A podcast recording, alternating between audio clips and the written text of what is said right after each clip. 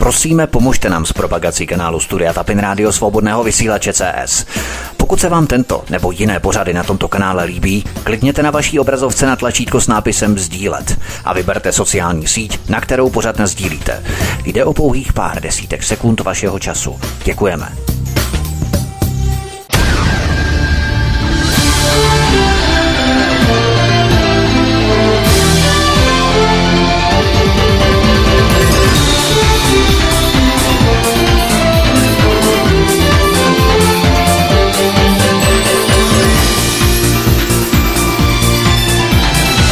Příjemný, krásný, dobrý večer, dámy a pánové, milí posluchači od mikrofonu svobodného vysílače anebo na kanále Odisí vás zdraví Vítek. Já vás vítám před dnešním vysílání a já jsem rád, že tu dnes v tento okamžik, pár dní před volbami, můžu přivítat našeho dnešního hosta, kterým je Nela Lisková. Neli, vítej, hezký večer, ahoj. Ahoj Vítku a zdravím všechny posluchače. Dnes toho máme na programu a možná i na svědomí, na triku i na účtě docela dost a proto začneme hned poměrně zostra. Tebe ve tvém bydlišti navštívilo policejní komando, které ti nad ránem v klasickou stalinskou hodinu v pět hodin ráno nebo kolem páté hodiny ráno vniklo do bytu. Eh, než se dostaneme k tomu samotnému popisu průběhu tohoto zásahu, řekněme si, kdy se ta událost odehrála nebo co to bylo za jednotku. Eh, je to zhruba dva měsíce zpátky a byla to údajně hospodářská policie, což mě úplně jakože docela zaskočilo, protože... Hospodářská policie chodí klidně v pět ráno na návštěvu úplně v pohodě. No, tak asi takhle. Takže vpadli k nám teda, myslím, že to bylo kolem půl páté ráno, je to zhruba dva měsíce zpátky, s tím, že teda chtějí prohlídnout celý dům. A uh, ještě bylo zvláštní to, že v podstatě nám řekli hned u toho, u toho když jsme pustili domů, že uh, se nám snažili dovolat a že protože jsme je nepustili standardním způsobem, tak nám museli zničit vrata u brány. A uh, nakonec se zjistilo, že teda vůbec nevolali na naše telefonní číslo, ale že měli špatné telefonní číslo. A tady těch kiksů potom v průběhu té prohlídky bylo jako opravdu mnoho takže, eh, takže to bylo vidět, že to je vyloženě takovou jakože horkou nití na rychlo pro někoho na zakázku. Za jakým účelem vám vnikli do domu v pět hodin ráno? Jaký byl ten důvod? Měla si pocit z toho jednání, že šlo primárně o politickou objednávku zastřenou pod jiným účelem? No tak v podstatě, eh, v podstatě oni to už u toho, u toho vlastně, když nám vnikli do domu řekli, protože řekli, paní Lísková, máte velice zvláštní politické názory, že? Jo? Eh, nemluví o tom, že když mi prohlíželi třeba moje poznámky v mém stole, kde si vlastně píšu poznámky k článkům, má různé poznámky k publikacím a podobně a mám tam samozřejmě e, své poznámky za několik let, tak si to tak jako, že listovali v tom a tak se jako usmívali divně jo, a neustále prostě operovali s tím, že prostě mám zvláštní politické názory. Tak já jsem prostě, bylo naprosto jasný v ten moment, že je to jenom o tom, že Eh, že no. víceméně... To je místo eh, pozdravu. Přijdou do dveří, řeknou místo dobrý den, řeknou, vy máte zvláštní politické názory. To je zajímavé. No, no, no je to zajímavé a nepochybuji o tom, že to má návaznost i na kauzu s Piráty, které se potom samozřejmě vrátíme hmm.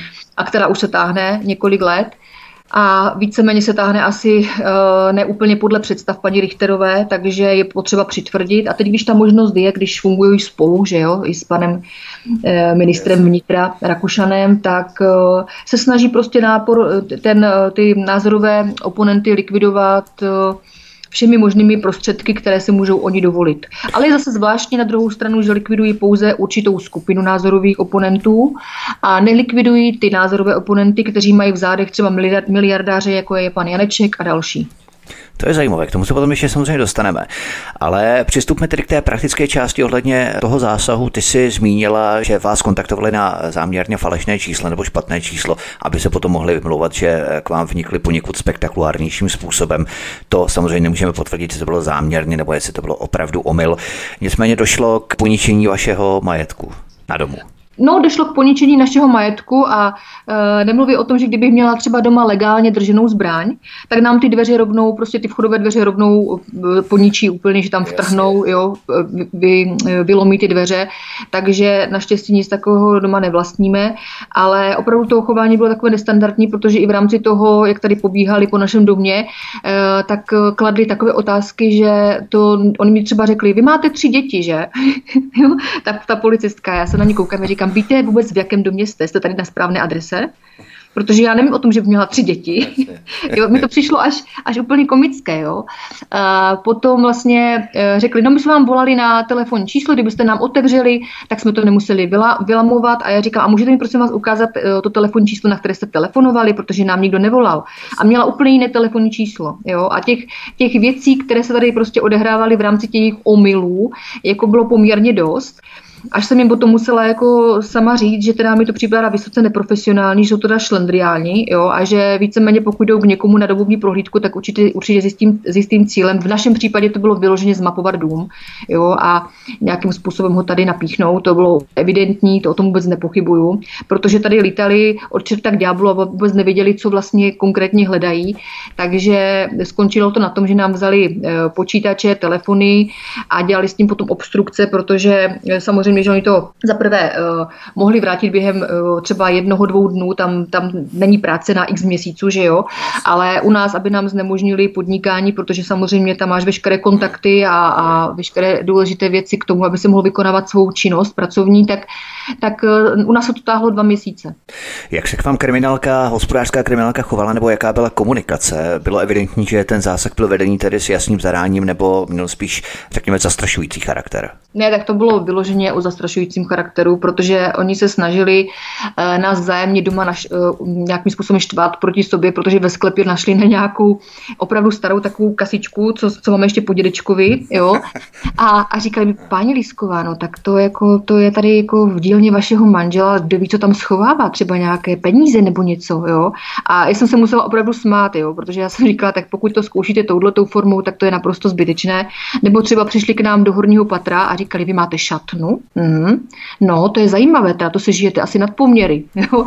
Takže to se žiješ na poměry. Pračku máš třeba, to no, taky na poměry. Já mám dvě pračky, jednu ve sklepě, jednu dokonce v koupelně, takže jako, no, tak. jako opravdu se žijeme nad poměry. Takže jestli tady toto je měřítko pro ně, že má někdo šatnu, že se dovolil teda jako v rodinném domě mít šatnu, což dneska asi nebude úplně nic na standardního a žije si nad poměry. A vůbec, jestli mají policisté takové neprofesionální poznámky, jo? oni si samozřejmě můžou myslet, co chtějí, ale přece musí navenek uh, vystupovat jako profesionálové a ne jako idioti. Jo. E, v našem případě to byla samozřejmě ta druhá varianta. A samozřejmě to někdo natáčel na kameru, ten zásah, byl pořízený záznam z toho? Jo, jo natáčeli, jo. To, natáčeli to samozřejmě, e, dělali, pořizovali si fotografie, my jsme se teda rozdělili v rámci naší rodiny, že každý hmm. byl s tou určitou skupinkou. Jasně. Jo. A no, no, no ať, ať prostě vidíme, co dělají přesně. No, ale jako... Vám třeba domů něco nepodstrčili, víš, to se taky dělá, že vám třeba domů něco jo, podstrčí. Jo, jo, jasně, jasně, ale to jako, jako, bylo, tady už bylo vidět ta, to šlendriánství a vložně ta tupost z jejich strany, protože my máme v šuplíku asi, já nevím, zhruba nějakých 15 jako starých mobilních telefonů, jak byly kdysi ty Nokia a takové tyhle, jo, jo, zhruba tolik asi, jo, úplně k ničemu to nemáme, že jo, a to oni třeba jako vůbec, jako ani si to prostě nevzali sebou nebo neprohlídli, může tam být cokoliv, jo, nechali nám tady potom další tři notebooky, vzali si jenom dva, jak, jak věděli, které jsou ty správné, že jo. jo? Takže, takže oni pobrali jenom určitou část něčeho a potom jsem té policiste říkala, já říkám, jako já vám absolutně nerozumím, co se tam předváděli, protože eh, když už byste opravdu chtěli jo, nás na něčem třeba tady uvařit, i když věřím tomu, že jste si na základě nějakého eh, vyžádání toho eh, státního zástupce asi nějaký příběh vykonstruovali, to je docela logické, že jo, ale vzali jste si jenom určité, určité věci. Jak vy víte, že v těch dalších třeba třech notebooků notebookcích nemám nějaké v uvozovkách kompromitující materiály, které zrovna zháníte. Jo? Takže tam to bylo vidět, že to je divadlo, a je to spíš taková, taková ta hra na tu psychiku toho člověka, co zvládne. Jasně. Jo, a nemělo to absolutně hlavu ani patu. Takže oni prohlíželi fyzicky i papíry, u kterých bylo evidentní, že nesouvisí s předmětem zásahu, různé poznámky na papíře a tak dále. To znamená, oni nehledali nic konkrétního v rámci ano, toho zásahu. Ano, přesně tak. Ano. Hmm, hmm, hmm. Když odešli, co všechno si sebou vzali, to jsme tedy probrali, vzali si počítače, notebooky, telefony, bylo to všechno alespoň nějak evidované, aby bylo jasné, co si potom přesně odnesli a mohli jste to od nich následně vymáhat? To ano, to, sam, to, to samozřejmě ano, jako zase až tak úplně jako hloupý nejsou. To nebylo se. No, no, takže, takže evidováno ano. Nicméně, eh, když jsem se ptala, kdy nám to teda vrátí, že to je k našemu podnikání, k naší práci prostě nezbytnost, tak řekli, nevíme, no, tak jako to víte, jsou dovolené, máme na to času dost. Tak říkám, no vy možná ano, ale mi ten ušlý zisk kvůli vaší hlouposti nikdo nezaplatí, že jo? Přesně, no. jo? Tak se tak jenom pousmáli, ano, tak uvidíme, možná to nějak popoženeme. No, popoháněli to dva měsíce, no. Takže dva měsíce se vám zastavilo podnikání, v podstatě nebo výrazně ochromilo podnikání, protože v notebookích jsou samozřejmě materiály a telefonech kontakty, to jsme tady všechno probrali. To znamená bezdůvodný zásah, nebo při nejmenším z důvodu, který je značně vágní, nejasný, chatrný, vám vtrhlo do domu policejní komando o devíti členech v pět hodin ráno. Myslíš, že to jsou metody, které odpovídají těm proklamovaným západním hodnotám, kterým se neustále ohání naše vláda? No tak to si nemyslím, to vím, to víš ty a vím to já. To samozřejmě není všechno. Při našem posledním pořadu, který jsme spolu točili, jsme se bavili o tom, že tě čeká výslech na oddělení Národní centrály proti organizovanému zločinu NCOZ ve věci podání vysvětlení ohledně Ukrajiny. Nejprve si pověsme, kdo si tvůj výslech vyžádal. Eh, takže můj výslech si vyžádala ukrajinská prokuratura přímo. A je to docela zvláštní, protože Česká republika a Ukrajina není samozřejmě, Ukrajina není součástí Evropské unie, takže tam by ty vazby nebo nějaká ta spolupráce třeba neměla vůbec žádné opodstatnění. Nicméně, vzhledem k tomu, co se tady odehrává, a to bylo ještě před tou údajnou válkou na Ukrajině, která teda sice trvá od roku 2014, ale dobře, někteří si probudili až teď.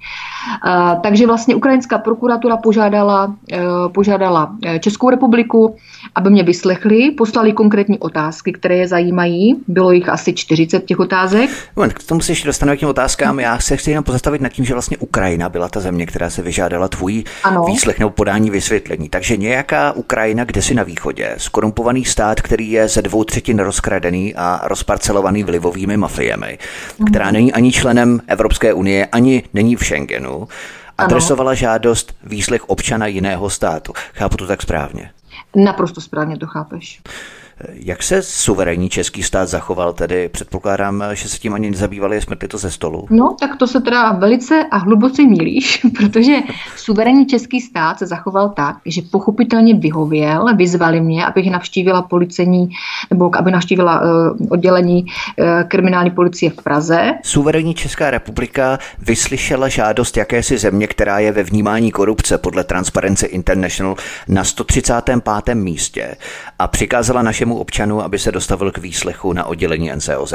Jenom abychom to rozuměli pro posluchače. Takže kdyby ano. třeba Mongolsko, Súdán nebo Guinea-Bissau požádalo Českou republiku o výslech, nebyl by to problém. Na tomto místě musíme zdůraznit, že když si nějaký policejní orgán vyžádá informace z jiné země ohledně organizovaného zločinu, státy koordinují taková vyšetření. To je zcela normálně, zcela jasné. Ale co uvedli u tebe jako předmět výslechu ve tvém případě? O co Ukrajině vlastně šlo?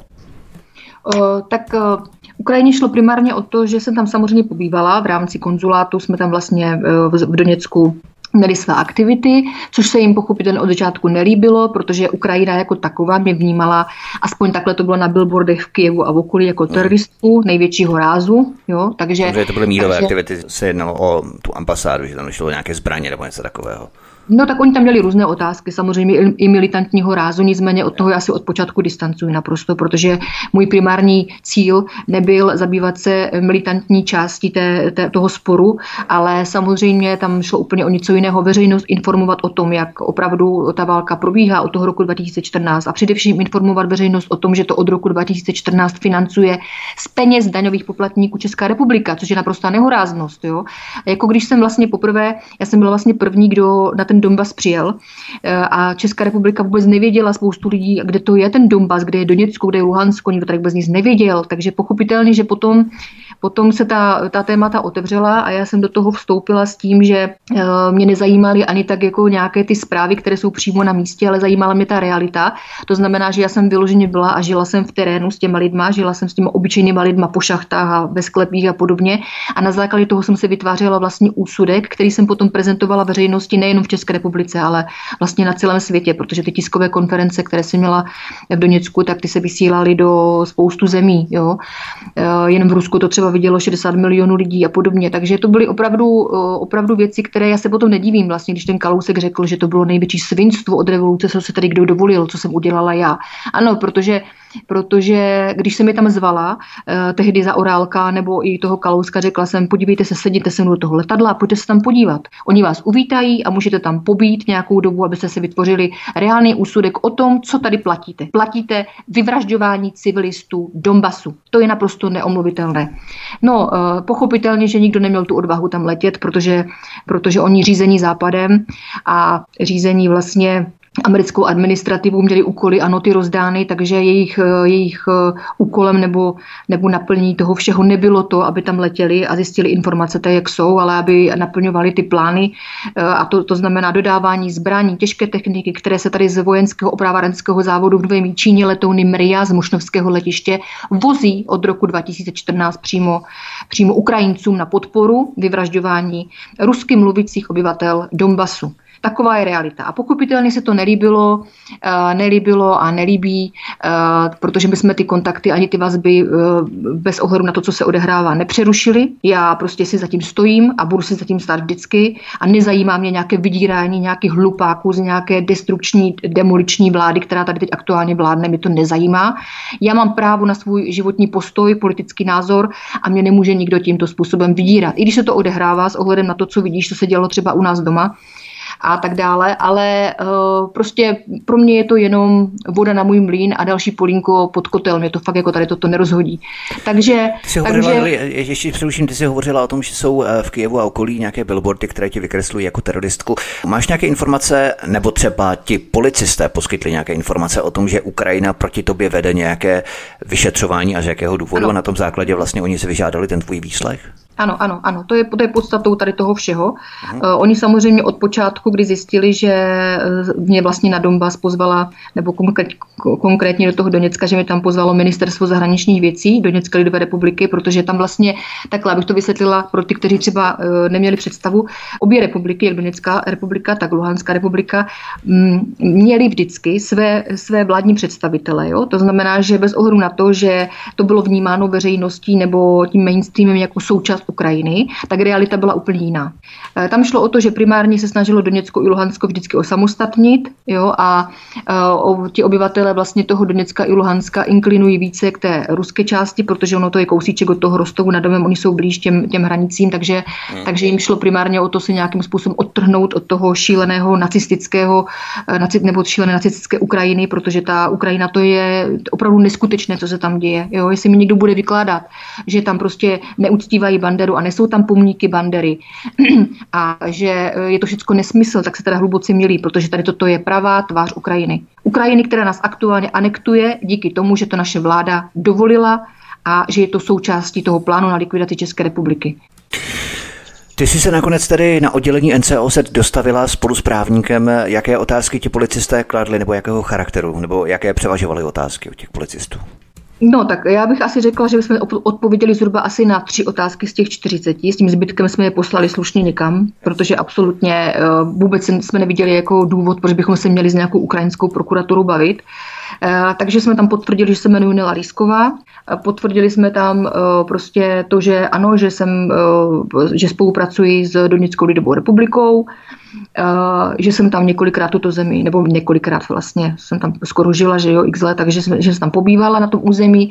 Nicméně, oni tam měli otázky, kde bydlím, uh, kolik, jakou mám rodinu, kde pracuju, v čem podnikám, jo. Ukrajinská prokuratura měla tyto otázky, jako to opravdu člověk nepobere. To je neuvěřitelné. Co jim je že vlastně český stát je oprávněný jim tyto informace ano. předat i bez svého svolení Ukrajiny, no, kde bydlíš? No, uh, my jsme, já si myslím, že nevím, myslím si, že ne, že tam půjde vyloženě asi o to, co jsme s tím právníkem tam byli ochotní jim odpovědět, ale byly tam opravdu vyloženě takové soukromé otázky, jako které v podstatě je vůbec nemusí zajímat. Jo.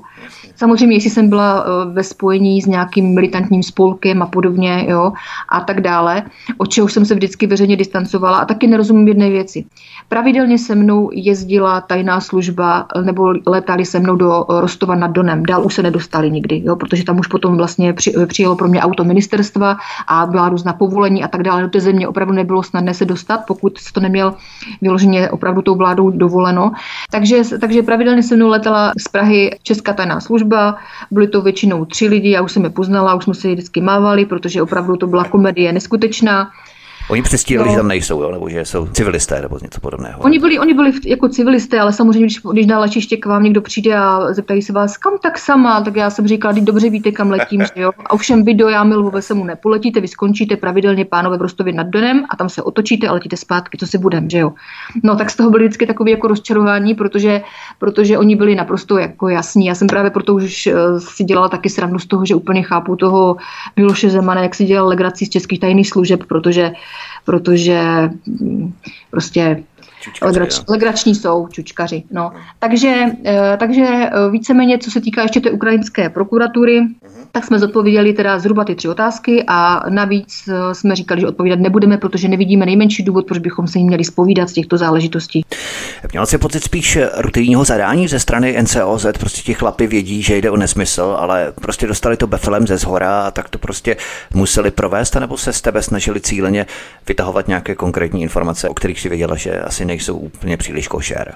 Ne, ne, to vůbec. Oni opravdu byli z toho sami velice v šoku. To, to mi dokonce řekli, že eh, vůbec nechápou, o co tady jde, že tam mají plno případů, které prostě potřebují urgentně řešit a zabývají se něčím takovým, že dostali zadání. Eh, ještě se mi omlouvali, že mi teda, eh, že se mi omlouvají, že, na, že mi tady prostě ženou, jako, že musím se zabývat něčím takovým, ale že oni sami mají prostě befel z hora a že by potřebovali to nějakým způsobem zpracovat. Jo? Takže jako my jsme říkali v pohodě, jako jsme lidi, já tomu rozumím, vy máte svou práci, já mám svou práci, když se slušně domluvíme. Eh, právník prostě se k tomu vyjádřil jasně, že zodpovíme první tři otázky, zbytek prostě odpovídat nebudeme, protože k tomu není nejmenší důvod, z naší strany vůbec ne a z jejich už vůbec ne. Jo.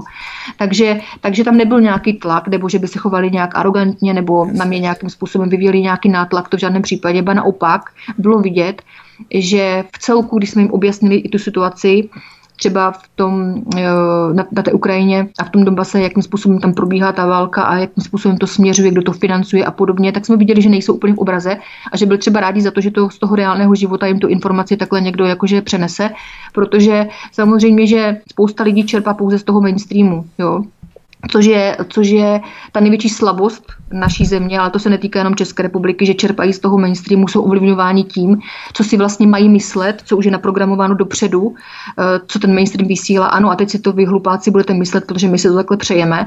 A je to prostě smutné, ale já, na to narážím třeba pořád. Jo? Ne, neustále na to narážím a už jsem taky z toho unavená, že nejsou schopni si rozklíčovat spoustu věcí eh, lidé, že nejsou schopni nějakým způsobem to analytické myšlení nastavit tak, aby byli schopni vnímat něco, eh, co jim vlastně předkládá ten mainstream jako, jako frašku, protože všecko je to lež a fraška.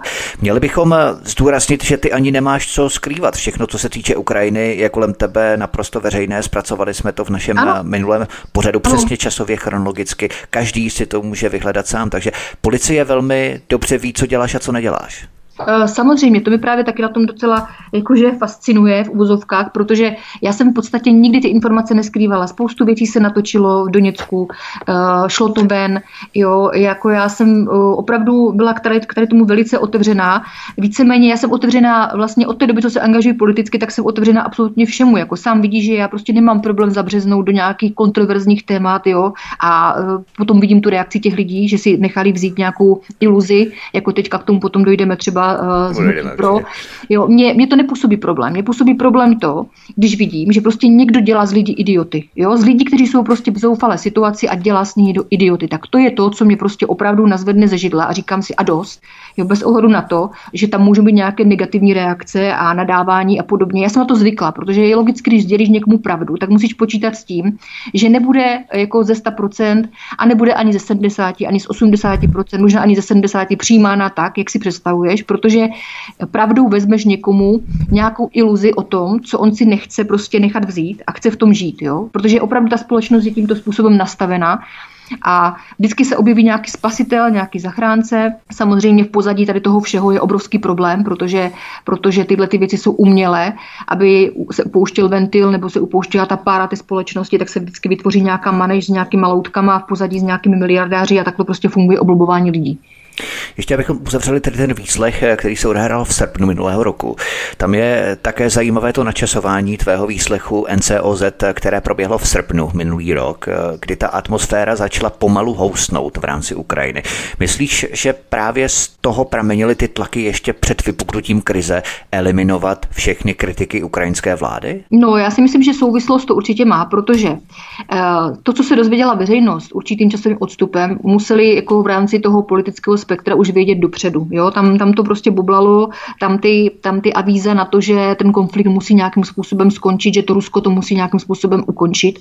Jako spoustu lidí třeba vyčítalo eh, Rusku to, že když od toho roku 2014 se tam vlastně táhne ta válka, že jo, že nezasáhli dřív, ale zase na druhou stranu já rozumím tomu, že všechno má svůj čas a že je to prostě obrovský problém, který by mohl způsobit opravdu globální válku a věřím tomu, že to načasování má svůj smysl. Ale bylo to těsně před tím, jak říkáš, takže souvislost s tady tím to může být, že vlastně ta agrese vlastně těch Ukrajinců a ta touha potom někoho ukamenovat byla celkem velká.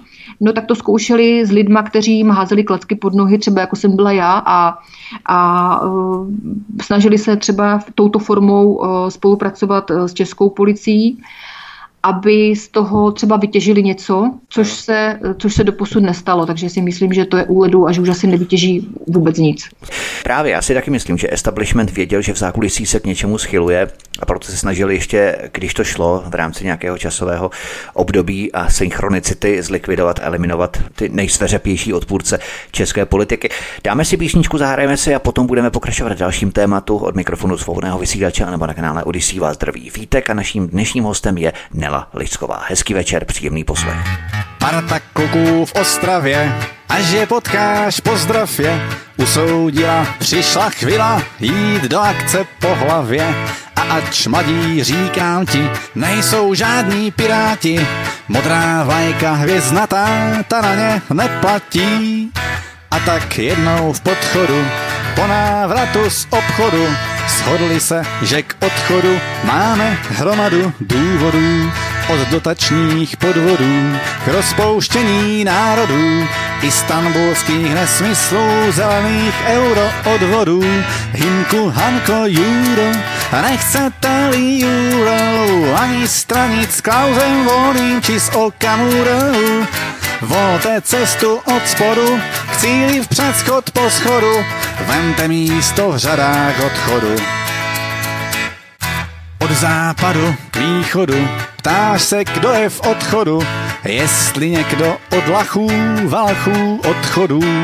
Věs je tu celá země česká, lidé z Čech, Moravy, Slezska, pracující studenti i seniori v důchodu, všechny spojil jeden cíl, by už modrý hadr shnil naše školy, radnice, nikdy víc už nehyzdil. Máme pokrk průserů, co přichází z Bruselu, chceme být za suverénní, chceme svobodu.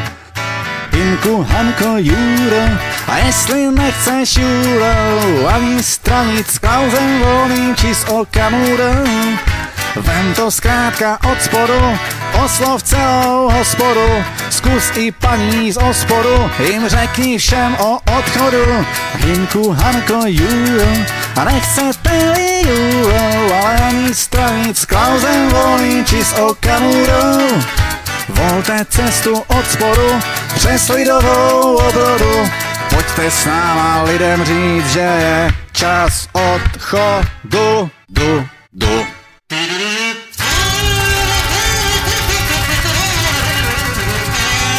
Od mikrofonu svobodného vysílače a nebo na kanále Odisí vás zdraví Vítek od mikrofonu a naším dnešním hostem je stále, zůstává stále Nela Lisková. Pojďme na další, tentokrát třetí soud. Ten se týká tvého sdílení výroku o Olze Richterové, který ale napsal někdo jiný. Ty si ho jen sdílela, stejně jako 20 tisíc dalších lidí ho sdíleli, ale souzená si pouze a jenom ty. Naprostá Pavlačová záležitost, která by se dala smést ze stolu hned při prvním stání. A za tento sdílený výrok jsou peníze daňových poplatníků poplatníků promrhávané kolik? Už eh, dva roky ten soud pokračuje vlastně, že? Dva roky za sdílený ano. výrok. Hm, ano, ano. To znamená dva roky, milí posluchači, dva roky soudu za sdílený výrok. Přátelé, takto se investují naše peníze. Nicméně Piráti, prostřednictvím tedy Olgy Richterové, na tebe podali trestní oznámení. Soud se několikrát odročil, protože to důkazní břemeno je naprosto chatrné, chabé. Eh, jak probíhalo poslední jednání, kdybychom ho měli v kostce nějak podchytit, popsat, eh, to probíhá na městském soudě, že? Probíhá to na městském soudě. Já bych chtěla ještě jednou říct, já vždycky opakuju při každém tom našem vysílání, že je to vlastně veřejné jednání. To znamená, že kdokoliv bude mít zájem a bude se chtít podívat na něco, co už asi nikdy v životě na vlastní oči neuvidí, protože to minulé jednání bylo naprosto neskutečné. Já jsem tam měla pár přátel a ti mi sami řekli potom, že kdybych jim to vyprávěla, tak by si mysleli, že fakt přeháním. Jako jo. Ale tam se, tam se opravdu do, tam došlo do takové fáze to jednání, že ta soudkyně vyloženě napovídala Eh, paní Richterové, co má udělat tomu, aby měla dost eh, kompromitujících materiálů proti mně, protože oni neměli vůbec nic. Ona se tam předvolala svědky, kteří seděli přímo v té soudní síni, místo toho, aby seděli na chodbě. Jo, tak vlastně si je tam uh, předvolala, uh, ten, ten advokát té paní Richterové, nechali je sedět tam, aby si vyslechli všechno, aby na to mohli hezky navázat. Jo. Ano, ano, to je tam neuvěřitelné, to se jenom těžko věří. To se jenom ano, ano, věří, no. to všechno se tam dělo. A když na to poukázal můj právník, tak se soudkyně jen pousmála a řekla, no vidíte, chybička se bloudí, no tak je příště necháme na chodbě třeba, jo. Takže vyloženě bylo vidět, že si s nás dělají legraci. Druhá věc je ta, že eh, když došlo k tomu, že jsme tam poukazovali na nějaké naše materiály, které jsme předložili do spisu, tak ta soudkyně nám řekla, že se ještě nestihla na to podívat, že vlastně se přiznává, že to nenastudovala, ale že má materiály proti strany, tedy paní Richterové, a že to jí úplně bude bohatě stačit k tomu, aby rozhodla. Takže náš právník, teda, nebo můj právník řekl, takže abych tomu dobře rozuměl, vy jste si nepročetla naše eh, důkazní materiály, pročetla jste si pouze důkazní materiály paní Richterové a to vám stačí, abyste na základě toho, že nemáte objektivně z obou stran důkazní materiály, rozhodla. Ano, přesně tak, pane doktore, přesně to mi stačí. Jo? Takže touto formou to probíhalo, jako eh, ti, co tam seděli, kteří byli jako moji příznivci, tak jako jenom kroutili hlavou, absolutně nestíhali, protože to je neskutečné, co se odehrává. A jestli mi někdo bude vykládat, že to není jako soudní proces na politickou zakázku Pirátů, prosím vás, tak přijďte na některé to přelíčení, sedněte si tam a buďte svědky toho, co je v České republice možné. Protože v České republice je možné úplně všechno. To jsou opět deklarované západní hodnoty. Nicméně tobě soud 6. dubna nařídil omluvit se Richterové a zaplatit 50 tisíc korun. Rozsudek je ale nepravomocný, protože ty jsi se opět odvolala samozřejmě. Samozřejmě, samozřejmě, že jsem se odvolala, protože já nevidím vůbec důvod, proč bych se měla někomu omlouvat nebo měla jsem platit nějakou pokutu. Já jsem člověk, který nemá problém s tím, když udělám nějaké pochybení, se omluvit. Jo, já mám dost inteligence na to, abych to sama vyhodnotila v sobě, že je potřeba se omluvit. Všichni jsme jenom lidi, jo, ale jako nezlobte se na mě, abych sdílela běžně dostupnou informaci, které, kterou sdílejí do dneška možná jako tisíce lidí, pořád to tam koluje, jede to tam pořád a jenom mě si předvolali jako někoho, kdo je může ohrozit, protože mám obrovský dosah. Oni mi tam řekli vlastně, tam byli nějací znalci, které se tam předvolali, že mám dosah nějakých 5 milionů lidí, jo, že to je poměrně hodně, jo, a že to, bylo, že to byla cílená likvidace paní Richterové. Prosím vás, já si myslím, že... že jsme na okraji společnosti, jsme extrémisti, že jsme na okraji, že nás nikdo nevšímá, že nás nikdo nebere vážně a potom řeknu, že jsme 5 milionů lidí. Tak no, jak to tedy je? Tady? Já to no, nerozumím. To, ano, přesně tak. A druhá věc je ta, že já jsem už i toho, u toho soudu řekla, že jako paní Richterová nebo Piráti vůbec nepotřebují na uh, sou, sou destrukční likvidaci jako nějakou neolískovou, oni to zvládají i bez země. Jo? Takže vůbec nerozumím tomu, uh, proč vlastně vyvolali něco takového. Ale zase na druhou stranu je pravda, že to má logiku, protože jestliže by to dopadlo tak, že bych ten soud prohrála, tak by to bylo vlastně takový, takový zvednutý prst pro každého, kdo by si řekl, hele, víš, jako, no, jako ta Lísková to prohrála, takže raději budeme držet hubu a krok. Jo. To ten precedens zde, samozřejmě. Jo, přesně tak. A nebudeme se vyjadřovat, protože nám to za to nestojí, co kdyby náhodou nějaký politik zase proti nám něco jo, jako vykonstruoval. Takže v tomto ohledu je to pro mě třeba velice důležité v rámci celé České republiky, tenhle ten soud, protože, protože eh, on se netýká jenom mě. Jako to, co se stalo mně, se může stát komukoli, kdo, kdo prostě bude z pozice své moci eh, eh, mít možnost někoho likvidovat jenom protože se mu ten člověk znelíbí. A právě proto mě třeba zaráží, že různá vlastenecká v úvozovkách, jo, různé organizace vlastenecká, různá vlastenecká seskupení se třeba jako ke mně nepřidala a neřekli třeba, no jo, ale tak to se týká nás všech. Jo. Tady už vidíš, jak ta společnost je rozdělená a že oni si všichni jedou tu svoji agendu nějakou, na které se můžou jako vypíchnout, aby se dostali k nějakým těm korytům a vystřídali ty stávající gaunery. A vůbec jim nejde o tu podstatu toho, co se tady vlastně děje a že je potřeba ten systém změnit úplně od začátku a tady toto může být třeba počátek tady toho všeho, protože všechno se vším souvisí a každý krok, který by prostě nějakým způsobem znamenal vítězství těch slušných lidí, se počítá.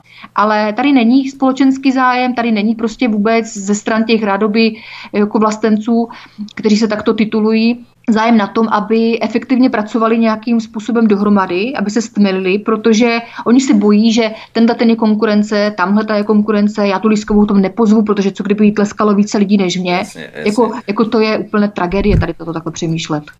Je to tak, je to tak, samozřejmě my se k tomu potom samozřejmě dostaneme v rámci dalšího tématu, to je velmi důležité, ale abychom doklepli ten soud, takže tady je naprosto vidět to pohrdání spravedlností, že ti soudci z toho mají evidentně Já bych řekl i prdel, protože to je velmi expresivní eh, jadrný výraz, ale vystihuje to přesně tu podstatu. Ne legraci, ale přímo prdel. Naprosto jim nezáleží na souzení. Běžný člověk je zmatený těmi atributy justice, talár, znešenost, póza, ale ve skutečnosti to jsou lidé, kteří jednají z obyčejných až jednoduchých lidských pohnutek, které s talárem nemají nic společného, vůbec nic. A to je právě příklad eh, této samosoudky, která opravdu přiznala na nahrávku, na to jsou samozřejmě svědky, má právníky nahrávku, eh, si nepřečetla vaše důkazní materiály a jednají pouze podle těch materiálů, které jsou k dispozici pouze ze strany Pirátů, ze strany Olgy Richterové a samozřejmě i svědkové, kteří byli přítomní všem výpovědím přímo v soudní zasedací síně a tak dále. To znamená, to jsou všechno ty excesy, které charakterizují tento soud.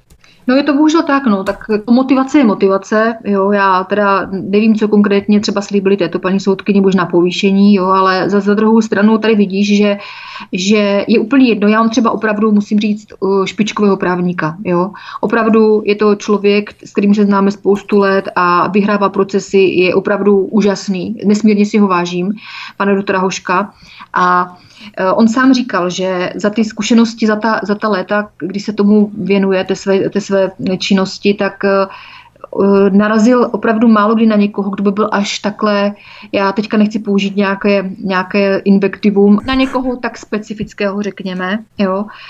A uh, on sám je udiven, protože, protože on pořád věří v nějaký ten systém toho soudnictví, že by měl fungovat a tady třeba konkrétně na tom procesu vidí, že je to úplná fraška všechno. Zkoušejí na tebe Piráti přes Olgu Richterovou vyfabulovat něco nového, nebo se to jejich dokazování odehrává ve stejných intencích zhruba jako na začátku? No tak oni, stejné. Já si myslím, že to je plus minus pořád stejné, akorát třeba teďka to, co se stalo, jak k nám padlo to komando, tak si myslím, že to má jako taky samozřejmě souvislost tady tímto, protože to nedopadlo třeba úplně úspěšně pro paní Richterovou v tom smyslu, že původně chtěla 550 tisíc po mně, plus soudní náklady, které jsou spojené s tím soudním procesem a najednou to spadlo na nějakých 50 tisíc, takže jakou hodnotu má čest paní Richterové, teda, když už se teda hraje na to, že nějakou čest má. Takže nejdříve půl milionu a pak 50 tisíc. Tak ono se to asi dělá tak, že se nacelí ta částka, že a potom se snižuje, aby se setkal někde na nějaké polovině a tak dále.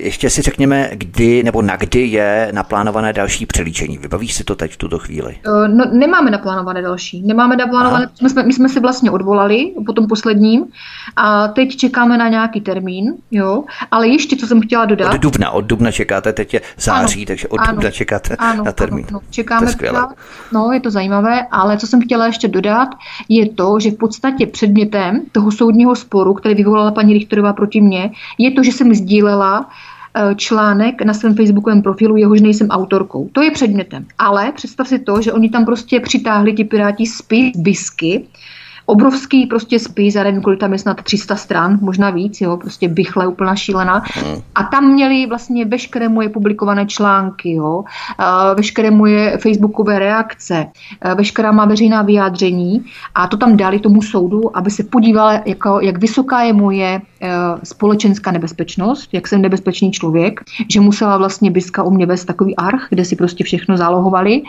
A tady vidíš, jak to je mani- zmanipulované celý ten proces, protože původně tím předmětem přece toho... Poslankyně má přístup k tajným materiálům BIS. Ano, a to, to, tam, to, tam prostě, to tam prostě předhodili, aby prostě viděla ta soudkyně, že opravdu ta Nela Lísková, to je teda, to je teda opravdu nebezpečný člověk a to bychom se měli za každou cenu zbavit. No vidíš to, takže z tohoto materiálu by potom mohl být vyhotovený nějaký tvůj životopis. Pokud budeš psát knihu, tak si třeba můžeš vyžádat přímo BIS o ty materiály, aby si s tím měla méně práce. E, nějaké paměti, když budeš psát, víš, tak eh, to je něco podobného. To schromažďují, v podstatě je to něco podobného jako za bolševik, když pořizovali tajné materiály z těch koncertů, Andrušů a tak dál. Víš, tak to je něco podobného. No, no, já se na tím zamyslím, třeba to bude jako inspirativní. No. Všichni samozřejmě budeme maximálně držet palce, protože na lavici obžalovaného se můžeme kdykoliv ocitnout i my za výrok, který nasdílíme stejně jako 20 tisíc jiných lidí, ale souzení můžeme být pouze a právě jenom my. Takto se u nás ohýbá spravedlnost. Pojďme na další poslední téma a to je předvolební atmosféra v Česku. Ta samozřejmě přirozeně houstne, tlak stoupá stejně jako vztek, hněv a agrese lidí ve světle nečinnosti nebo spíš předstírání činnosti české vlády, což je možná ještě horší matení. Existuje podle tebe před těmito komunálními volbami nějaké obecné řešení současné situace nebo na tak krátkou dobu je to nemožné? No, je to určitě na tak krátkou dobu nemožné a já si myslím, že v podstatě ono už to vyhnívá. Jako vidíme, že spoustu těch voličů a příznivců aktuální vlády trošku prozřelo, protože samozřejmě pokud sáhnete běžným obyčejným občanům na peníze, tak je zle. A tato vláda to udělala teda markantním způsobem, likvidačním pro nás, pro každého, takže já si myslím, že řešení to teď momentálně nemá rozhodně. Eh, tady není žádný spasitel. Byť to teda eh, mnozí slibují, že zachrání Českou republiku, tak je to naprostá lež. Je to populismus a je to vlastně ještě větší zločin na ty občany, protože od té aktuální vlády víme, co můžeme čekat. Jo? Jako víme, že to jsou zločinci, že to jsou gauneři, kteří tady prostě spáchali zločin nejhrubšího zrna. Od financování, vyvražďování civilního obyvatelstva v Donbasu, po likvidaci názorových oponentů, až po to, že likvidují každého občana České republiky tím, že tady ekonomicky nerozhodli, ale politicky tady rozhodli o té likvidaci. Bavíme se třeba momentálně o o plynu a elektřině. Ale tady to nebezpečí pochopitelně je velké ze strany různých eh, iniciativ, jako například pro paní Zvirtek Hamplová a pan Jindřich Reichl, kteří eh, mají v zádech mafiány, kteří mají v zádech prostě lidi, kteří jsou spolupracující s tím globálním systémem korporátním a kteří vlastně ne, že tu změnu nechtějí, ale oni ji v životě nedopustí, protože tady toto je jejich cílem. Jo? Ať je to pan Janeček, s kterým se objímá paní Hamplová a tvrdí, že se znají prostě krátce, že, jim poslali, že jí poslali nějakou kitku a podobně. Prosím vás, jako buďte lidi normální, tohle všechno je jedna velká lež. Tady vzniklo to, že vlastně prosy do nějaké eh, covidové agendy na sebe dva roky nabalovali lidi, kde tvrdili, nejprve teda byli všichni očkovaní, jak jsem si zjistila, všichni tvrdili, že to je prostě důležité se očkovat, a když to je ten pan Brábel, jo, nosili všichni brýle a nosili všichni respirátory a potom jim docvaklo, že spoustu lidí se proti tomu nějakým způsobem ohrazuje a nelíbí se to, tak řekli, hele, tak dobrý, tak najedeme na takovou tu vlasteneckou agendu, půjdeme proti tomu. Jo? Byť jsme si všichni prošli tím, že jsme tomu všichni podlehli a věřili, tak já teda od začátku vůbec ne. Já od prvního momentu jsem řekla, že to je velký podvod globálního měřítka a prohledla jsem to v minutě, kdy s tím prostě přišli v médiích. Jo. Ale tito lidé prostě zjistili, že je výhodné nabalovat na sebe zoufale důvěřivé lidi, kteří mají neustále konflikty kvůli rouškám a kvůli tomu, že se nechtějí očkovat a že vyhazují z obchodáků jako mě třeba a podobně, protože jsme odmítali nosit, uh, odmítali nosit náhubky. No a uh, vy, vykrystalizovalo se z toho prostě jako kdyby vlastenecké hnutí pro, které je ovšem velmi, velmi nestandardně financováno a řízeno v pozadí. A k tomu se dostaneme.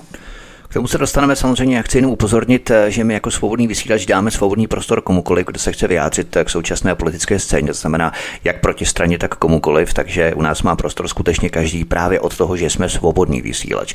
Nicméně pojďme se ještě eh, v krátkosti věnovat obecně k volbám jako takovým k systému versus antisystému. Jsou podle tebe vůbec komunální volby důležité, protože jde o to nejspodnější patro politiky, municipalit, radnic, kde se ale začínají pokládat základy té korupce, která se pak proplétají až do té centrální úrovně republiky. Eh, je tedy důležité z pozice občanů k něčemu důležité ovlivňovat to spodní patro politiky, když eh, na jedné straně jsou to lidé, které denně potkáváme v našem městě, v naší vesnici, ale na druhou stranu nic zásadního starostové, náměstci a radní nic zásadního ovlivnit nemůžou na té centrální úrovni.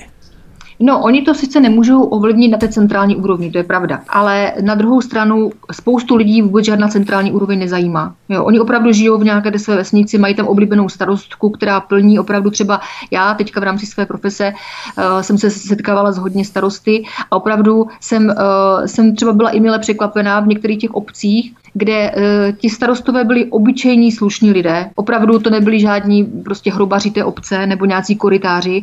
A ta obec vzkvétala, to už vidíte, jako jo, když tam prostě projíždíte, teď uh, jednáte třeba s těmi starosty napřímo a bavíte se třeba i s těmi lidmi okolo. Takže já bych jako, jako takhle, já bych nechtěla úplně házet všechny do jednoho pytle a uh, vůbec bych nechtěla podceňovat třeba tu komunální politiku, kde, kde prostě to jsou základy toho, toho, co potom vidíme nahoře. Ale právě proto apeluju na to, aby každý občan byl politicky aktivní a zajímal se o to, protože na té komunální úrovni to všechno začíná. Takže, eh, takže víceméně ano, jak, jak ty říkáš, jsou to ty základy třeba pro tu budoucí korupci, to podhoubí toho všeho. Nedá se to úplně jakože eh, brát jakože globalizovat, že to platí ze 100%, 100% všude, ale, ale z velké části bohužel ano. A v případě, že to budou občané podceňovat a bude jim to úplně jedno, koho tam mají, koho si zvolí a podobně, tak eh, potom jsme se dostali do té situace, kde jsme teda třeba dnes. Jo? I když já zase na druhou stranu je otázka legitimita voleb v České republice. Jestli tady taky nedochází k manipulacím a podobně, já si iluze nedělám. Jo?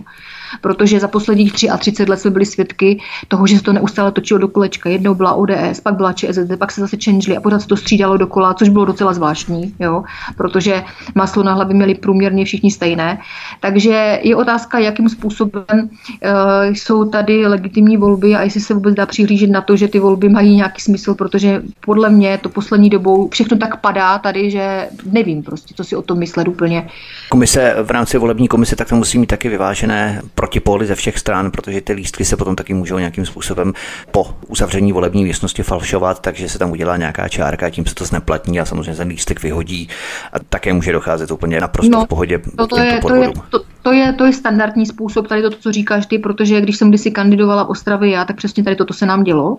Byl tam z toho takový skandál, protože jsme na to poukázali, potom vyšetřovala to i policie, že opravdu se tam prostě udělala chybička, aby se neplatnil ten volební lístek a to jsou metody naprosto běžné. Proto si ti lidé vlastně, kteří jsou volení, dávají do těch komisí své lidi, aby mohli tady toto dělat. To je naprosto standardní způsob, který se vlastně v rámci voleb v České republice, a myslím si, že ne, nejenom tady, jsme viděli například volby Trumpa, takže ta manipulace prostě je běžná věc buď dělat, anebo tomu naopak zamezit. Jo, to jsou samozřejmě ty dvě možnosti, proč si ty jednotlivé strany angažují ty své lidi do těch volebních ano, komisí. Ano. Ale jaká jsou tedy ta řešení, která bys viděla jako nejschůdnější pro urychlené východisko z této krize, alespoň co je dosažitelné z naší pozice, z pozice lidí? Nebudeme se tu bavit o globálních souvislostech v rámci energetiky. Na to nemáme dosah my jako občané, ale co jako lidé můžeme reálně dělat teď před volbami ještě v pozici tedy výběru kandidátů? My máme pořád stejnou možnost pořád stejnou možnost, já na to poukazuji vlastně uh, po celou dobu, že uh, musí člověk brát toho politika jako svého zaměstnance a takto k němu přistupovat. Já chápu, že spoustu lidí mi to napsalo, protože jsem natočila video, kde jsem teda uh, řekla, že jako aktuální řešení vidím v tom neplatit energie, protože je to naprosto nesmyslné platit zlodějům, kteří nás ještě navíc okrádají. Lidé mi tam potom psali, no dobře, ale když nebudeme platit energie, spadneme do exekucí. A já jsem uponovala, dobře, ale vy nespadnete do exekucí tím, že si na to budete půjčovat u různých home kreditů a u různých prostě takových jako, jako firm, které půjčují peníze a to vás do toho kolosu vlastně té platební neschopnosti nezažene, to je naprosto stejný princip. Takže z mého, z mého pohledu je eh, logičtější, eh, jasně se dohodnout v rámci republiky, zorganizovat to, že se to platit prostě nebude. A tady toto by do budoucna mělo obrovské obrovský vliv na to, že si každá další vláda uvědomila, že občané tady mají nějaké slovo, mají tady nějaký hlas a v případě, že udělají zase něco tak likvidačního, tak ten člověk prostě si každý sám za sebe řekne a dost. A stačilo. A tady toto už je hodně zahranou a to dělat nebudu. Jo? A tady toto je prostě řešení. Jako je, až to lidé pochopí, až změní myšlení, přestanou se obávat a pochopí, že toto je jediná možná volba. My na to nepotřebujeme žádné spasitele. Jestli vám tam na různých akcích vykřikují klauní z manéže různých miliardářů, že oni vás zachrání, že volte nás, my jsme to řešení, prosím vás, je to naprostá lež. Je to jenom to, že s vás dělají idioty a nikdo takový v České republice není, kdo by vás zachránil. Tady nikdo takový není. Můžeme se zachránit jenom my sami tím, že řekneme jasně a razantně dost. A jestli si někdo myslí, že když 2 miliony nebo 3 miliony lidí nezaplatí, takže se něco bude dít, nebude se dít vůbec nic. Bude se dít to, že konečně pochopí jakákoliv další vláda, že tudy cesta nevede a že je třeba ty lidi brát vážně. A o to nám přece celou dobu jde, aby nás někdo bral vážně. Je to fakt, že já také osobně neznám žádného politika, kterému by šlo opravdu o lidi. Nicméně myslíš, že k řešení situace přispívá třeba naše ministrině obrany Jana Černochová, která komukoliv, kdo kritizuje vládu, adresuje vulgární odpovědi, vulgární dodávky, podobně jak si zveřejnila ty tvé video? Já bych se vůbec o této osobě nebavila, ona nestojí za zmínku. To je prostě člověk se základním vzděláním, který nemá absolutně povědomí o tom, jakou funkci vykonává, je nekompetentní, neumí žádný světový jazyk, to znamená, není schopná se v rámci zahraniční politiky s někým domluvit, byť vykonává takhle vysokou funkci. Je to prostě hloupá osoba nastrčená někým, kdo ji zadu řídí a je naprosto nekompetentní absolutně ke všemu. Jako já si myslím, že hloupější vládu jsme tady za posledních 33 let vůbec neměli. Jo. To je prostě, vždycky jsme nadávali samozřejmě, vždycky tam bylo někdo, kdo, kdo nám nějakým způsobem neseděl, ale tady, tady je to celé se skupení pounu a hlupáků. Jako když se podíváš, tak tam není jediný odborník, tam není jediný člověk, který by rozuměl ekonomice, který by rozuměl zahraniční politice, který by prostě dokázal eh, v rámci diplomacie vyjednávat. Jo. Přece politika je o diplomacii.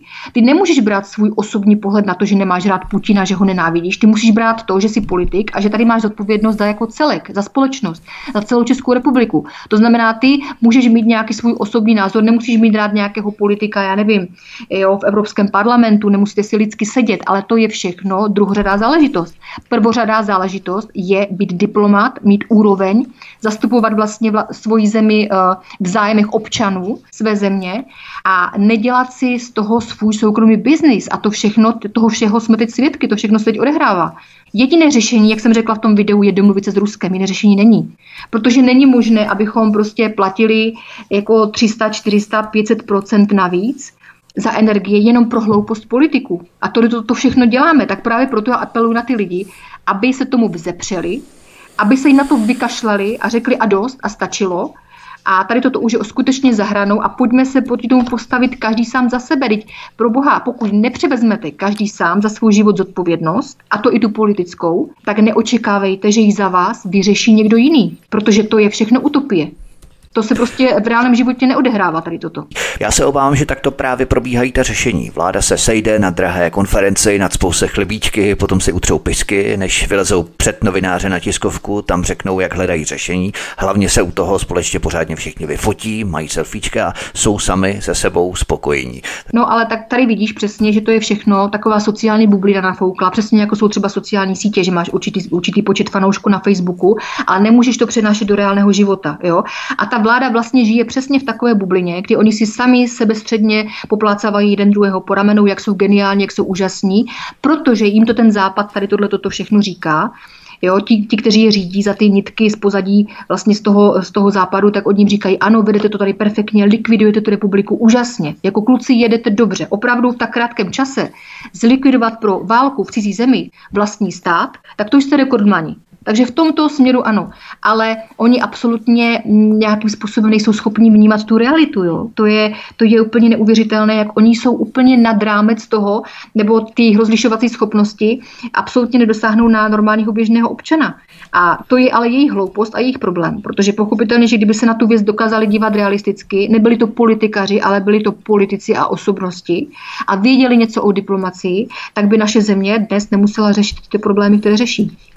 To jsou slova Nelly Liskové, která je hostem u nás na svobodném vysílači anebo na kanále Odyssey, ze kterého vás zdraví Vítek. My si zahrajeme písničku a potom se podíváme na jednotlivé kandidáty v rámci voleb, v rámci komunálních voleb a i na blížící se prezidentské volby. Takže zůstaňte s námi, bude to velmi pestré. Hezký večer.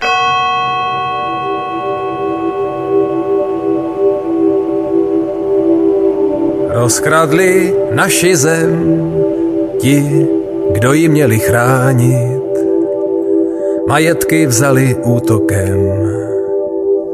My nemohli se bránit. Potomci hrdinů, ne, špína bez páteře, jdou cestou zločinu, bzdí u večeře. Politik krade ve dne v noci, čím více lží,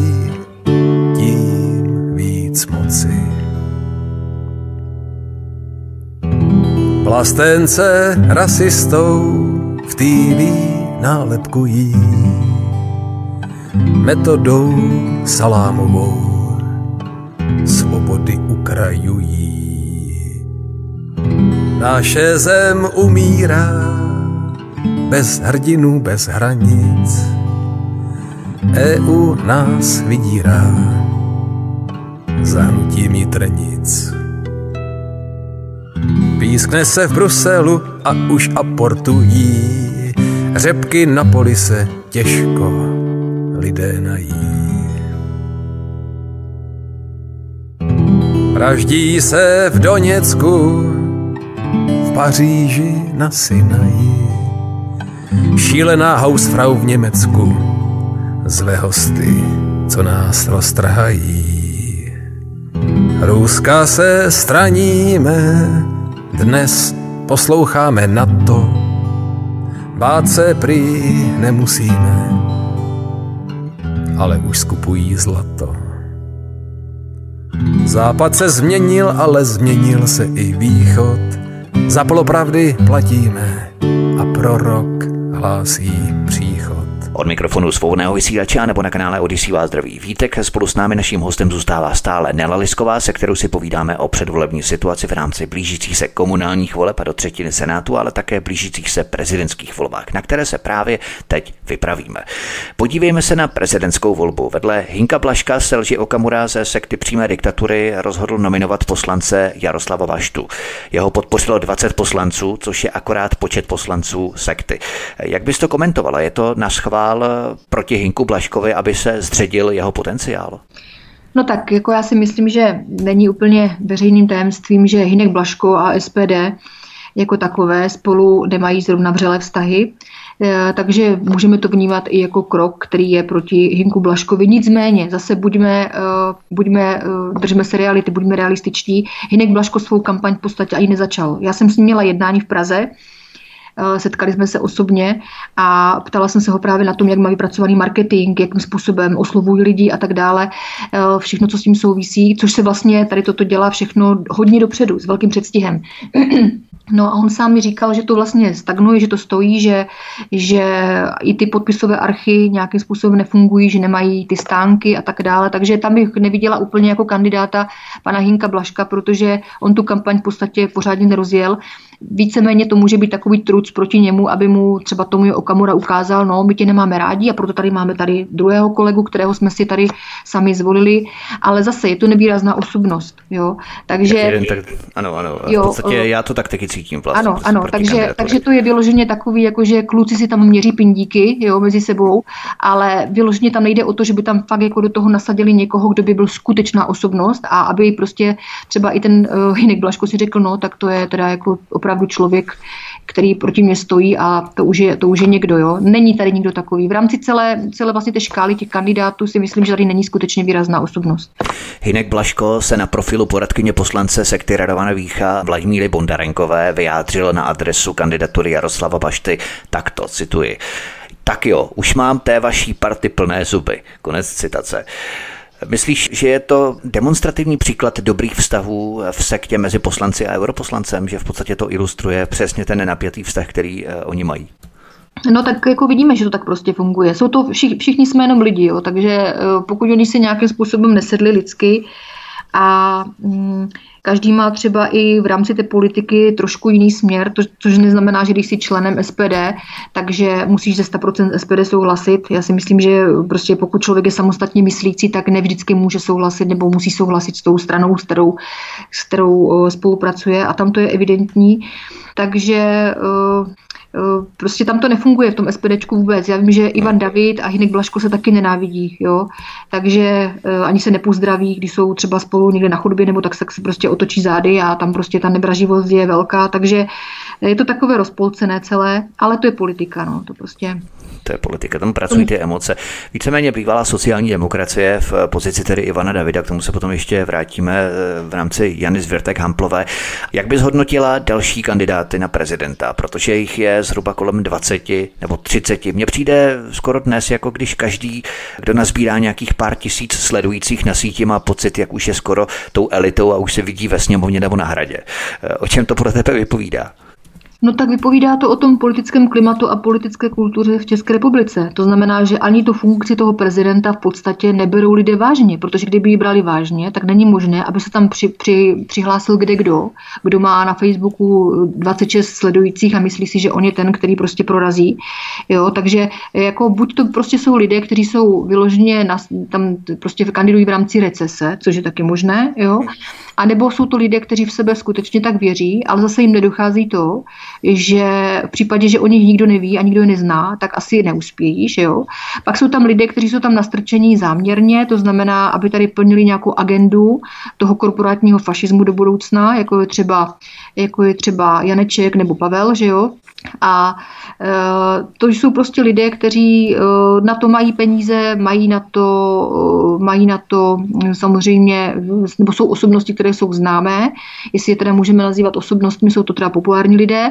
No a samozřejmě, že jim chybí k tomu, aby si ukojili nějakým způsobem svoje ego, už jenom taková funkce. Jo? Ale zase na druhou stranu všichni víme, že ne každý uspěje, takže ten, kdo neuspěje, tak si vytvoří alespoň nějaké jméno. Kdo o něm nevěděl, tak se o něm třeba rozvíjí.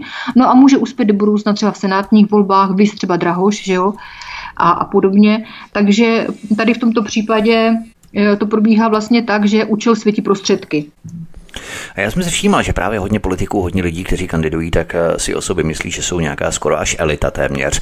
Nenese takový narcismus a slavomanství určitou poruchu osobnosti, záliba v nahlížení na sebe sama, na své ego v zrcadle? No tak já si myslím, že svým způsobem každý politik se stane dřív nebo později psychopatem. Jo?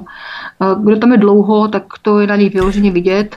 Byl to dělaný výzkum v Americe, ne tedy v České republice, v Americe, mezi manažery a i politiky. A tam právě vyšlo najevo, že většina politiků i manažerů jsou psychopaté. Ano, ano. Tak to je prostě destrukce té psychiky a destrukce toho i toho myšlení, protože tam pořád jdeš jako kůň, jako jedním směrem, jo, zaměření na ten, na ten efekt, na ten výsledek, na to, ať si prostě nejlepší, ať tě všichni obdivují, ať si nejpopulárnější. Otázka je, jestli to je skutečně, jestli ten člověk je potom ve výsledku skutečně šťastný a jestli to je smyslem života. Jo. Já, mě by třeba takový život ubíjel. Jo. Samozřejmě, že uh, taky jsem ambiciozní, jsem ješitná a mám prostě své chyby, jo, mezi které samozřejmě neřadím ambice, ale tu ješitnost třeba nebo takhle. Ale na druhou stranu nikdo nejsme dokonalí, ale zase beru ten život prostě tak nějakým způsobem, že se musí prožít a musí prostě být naplněná ta uh, splnit si své sny a nevím, jestli úplně tím, že budu někde v Europarlamentu zavřená mezi 200-300 eh, magorama je prostě můj životní cíl a sen. Jo? Odtržená od reality, od rodiny a hlavně prostě, že mi tam budou lichotit, jak jsem úspěšná a podobně. Na to třeba já osobně v životě kašlu, jo? kdo mi co třeba lichotí nebo nelichotí, já si jedu prostě podle sebe, jak já to cítím a hlavně, abych neublížila svým nejbližším. A právě proto si myslím, že tam dochází u těch lidí třeba k takové jako destrukci té osobnosti. Když mi někdo příliš lichotí, tak je to známka jakési podbízivosti a už to mě právě v hlavě rozsvicuje varovné světlo, pozor na toho člověka, ten Přesně. asi od tebe bude něco potřebovat. Ano, já, osobně, já osobně jsem třeba na to už alergická, se přiznám. Jo. Tím nechci teda jako, že nějakým způsobem uh, uh, zhatit třeba to, že mi někdo řekne, jo, ty jsi dobrá, nebo tohle dobrý, jako fajn. Jasně. Jako, Když ale je to v rámci nějakého standardního rámce, ano, tak je to v pohodě. No. Ale je rozdíl, když ti někdo chotí neustále, abyste měl prospěch, jasně, jo, jako jasně. se třeba děje v okolí různých lidí, co třeba já taky vidím kolem sebe, že jo, a to pak tam do toho vpadneš ty a řekneš, hele, jo, mi se to taky třeba v rámci uh, ve profese stalo, jo, že jsem měla kolem sebe manažery a ten tým neustále říkal, jak je dokonalý a podobně a pořád se tam opakovaly ty chyby dokola, jo. A a pak je třeba tomu člověku třeba říct, hele, ale nejsi tak dokonalý. Oni to říkají účelově, protože z tebe chtějí těžit. Jako zamysli se nad tím, co děláš a je potřeba se na ten život, život dívat realisticky. Ale když žiješ v takové bublině, kde tě neustále opěvují, tak nevím, jestli máš moc šancí jako vstoupit do nějaké reality. A jestli se vůbec těm lidem chce, to je druhá věc. Neli, seš fakt dobrá, od tebe opravdu nic nepotřebuju. jo. Já ti to vážně věřím teda, jako fakt. Jo, jo, jo, já to opravdu myslím vážně, protože od tebe opravdu nic nepotřebuju, takže já to můžu si dovolit říct opravdu i tak, jak to myslím. Nicméně není v zásadě problém se všemi volbami, když se tedy zaměříme na volby jako celek, že lidé volí podle plamených řečnění na tribunách, prostě podle projevů, protože hezké projevy má dnes kde kdo, že jo? zejména tedy na vlastenecké scéně. Každý má v některých věcech pravdu. Nikdo není úplně hloupý, ale úplně hloupý nebyl třeba ani K.H. Frank nebo Konrad Henlein, jo? takže projevy asi nestačí, že v rámci vlastenecké scény. Podívej, já ti to řeknu asi takhle. Já budu teď hodně tvrdá. Ale když by mu aktuální... Já od tebe nic jiného neočekávám. ale když by mu aktuální vlasteneckou scénu, která se třeba, které se třeba profiluje eh, pro, k kterému se ještě dostaneme, a, a vemu si naši vládu, tak tady volíme mezi Hitlerem a Geringem. A hned vysvětlím proč. Protože to, že někdo uh, nějakým způsobem na sebe nabali lidi na líbivou vlasteneckou ideologii, nějakým vlasteneckém kabátě, neznamená, že kdyby byl zvolen, takže přesně v těchto zarytých kolejích, které lidem slibuje, pojede dál, tak to nebude. To se prostě nestane. Tady toto je absolutní, to mi třeba štvalo vždycky i v rámci SPD. Jo? Oni historicky na sebe vždycky nabalovali ty lidi, ano, my vám budeme, budete mít levnější potraviny, levnější bydlení, my se o vás postaráme. To všechno chce člověk slyšet, zvlášť člověk, který je úplně na dně špatně, je v exekucích, je v nouzi, stát ho ždíme čím dál tím víc a on je ve východné životní situaci, tak pochopitelně, že když takovému člověku kdykoliv řekneš, neboj se, já ti pomůžu, já tě zachráním, já jsem ten spasitel, tak půjde a ten lístek ti tam hodí. Ovšem realita je úplně jiná. Jo? A to ti lidi potom nakonec stejně zjistí, protože, protože spoustu lidí už třeba prohlédlo i to, že SPD je jenom populistická, populistický projekt, politický a je víceméně nedosáhnou nikdy žádných reálných výsledků. Za celou dobu nedokázali vůbec nic. Jo? Nemluví o tom, že když se podíváte kdykoliv na hlasování jakýchkoliv poslanců, tak tam vidíte, že u těch zásadních věcí třeba chybí, že tam nejsou. Ale který občan tady toto takhle klíčuje a který občan se dívá na tyto věci? Já bych řekla, že jich je hrozně málo a proto si každý politik vystačí jenom s těma kecama a s tím, že těm, že těm lidem prostě nakecá před těma volbama, že on je ten nejlepší a nás si volte, protože my jsme tady pro vás udělali nejvíc a ve výsledku je to jenom to, že vlastně on si ty lidi bere jako rukojmí, kteří mu vydláždí tu cestu k těm korytům, aby tam mohl páchat úplně stejné svinstva, jako to dělali za posledních 33 let absolutně všichni politici. Jako ukáž mi jedinou stranu, která nebyla za posledních 33 let pro Českou republiku likvidační. Všechny strany měly miliardové úlety, krádeže, jo, a tak dále. To se tady odehrává historicky pořád. A je úplně hrozné sledovat to teďka v té situaci, kdy máme možnost, protože teď to prostě vygradovalo úplně nejvíc. Jsme v nejhorší situaci za posledních 33 let, to stoprocentně. A je úplně hrozné pro mě sledovat, jak opravdu lidi jsou, eh, jak jim stačí ke štěstí málo. Jo? Zatleskat někomu, kdo zvýší trošku hlas na konci věty na pódiu, protože psychologové ho takhle jako navodili k tomu, že takhle se to má dělat, aby si zpracoval ty masy, jo? Takže ty použiješ. A protože jsem vás přišel tady zachránit, volte naší stranu, jo, a prostě úplně hystericky. Klasika, já, od, já, já, v ten moment odcházím, jo, protože já tam vidím vyložit tu manipulaci a mně to přijde jak na nějakém těch šmejdu, co prodávají ty hrnce, jo. My jsme ti lepší prodejci, tady Franta, jo, prostě prodal yes. hrnce za 350 tisíc, dostane automobil a všichni se postaví na ty židle a tleskají mu, jo. Jako to je neskutečná davová psychóza tady toto. Já bych řekla až stokholmský syndrom tady tohle a opravdu ti lidi se upínají k těm svým uh, budoucím likvidátorům takovou formou, že, že je to až pro mě jako děsivé tady tohle. A když jim nabídnete něco, nebo když prostě já třeba na tom facebookovém profilu jsem teďka kritizovala třeba to pročko, ještě bych se chtěla vrátit teda k tomu, že ano, původně, jsem, původně se mi pročko líbilo. Já jsem ji sledovala nějakým způsobem, ne úplně od začátku, to jsem je nezaregistrovala, ale tak nějak, že zhruba, zhruba nějakou dobu ji sleduju. A Původně se mi pročko líbilo, eh, brala jsem úvahu to, že to jsou, dejme tomu, právníci, že jsou schopní nějak tu agendu si třeba ošefovat a že se nenechají opít rohlíkem a podobně. A samozřejmě ano, zvažovala jsem, že by za ně třeba kandidovala. Jenomže pak vylezly informace typu, že Pročko si pro Moravskoslezský kraj jako šéfa vzal jistého Petra Viktorína a to je člověk, který nejenom, že prošel všemi politickými stranami, jako jsou eh, ODS a ODS a byl, byl i u toho, byl u uh, trikolory a podobně a hrál si tam na marketingového mástra, ale tento člověk, kde byl, tak po něm deset let tráva nerostla, jak se říká, jo. A co udělal? Eh, nalepil se na mě v době, kdy já jsem tady v Ostravě zřizovala zastupitelské centrum Donetské lidové republiky s tím, že by mi hrozně rád jako v rámci marketingu pomohl. My jsme se potom nějakým způsobem nedohodli a eh, on prostě se snažil všemi možnými prostředky i vydíráním a vyhrožováním, že pokud mu nezaplatím určitou částku peněz, tak mi zruší zastupitelské centrum a ví, jakým způsobem a podobně. A dospělo to do takové fáze, že tento člověk uh, přišel na tiskovou konferenci, kde, na mezinárodní tiskovou, tiskovou konferenci, kde se měla prostě novináře z celého světa, tam bylo 60 novinářů z celého světa, a tam začal dělat Virvajs, prostě neskutečný bordel, až ho ochránka musela vyvést a chtěl bojkotovat vznik toho zastupitelského centra Donetské lidové republiky, takže víme, kde je jeho politický směr. No vidíš, jo, to takže, jsem vůbec nevěděl, tak, to jsem třeba neznal, no, historii. No, a, a, takové, a takové lidi si nasadilo uh, pročko a bylo mi sděleno teda, že, ten, že si to mám teda v případě, že budu chtít kandidovat, domluvit jakože s ním, tak jsem říkala, tak to v žádném případě, to je člověk, s kterým já v životě spolupracovat nebudu.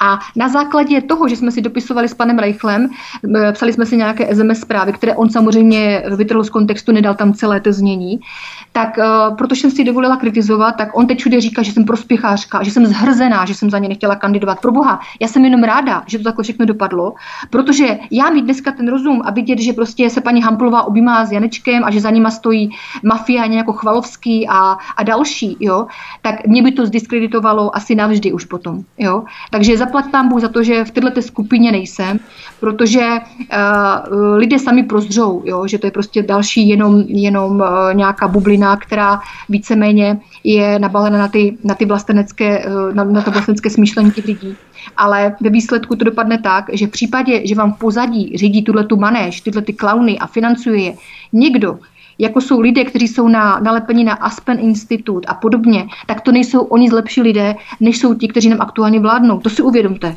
Jestli chcete volit tyto lidi, tak si je klidně zvolte. Ale do roka a do dne vám garantuju, že mi dáte za pravdu, že to dopadlo přesně tak, jak jsem řekla, protože taková je pravda.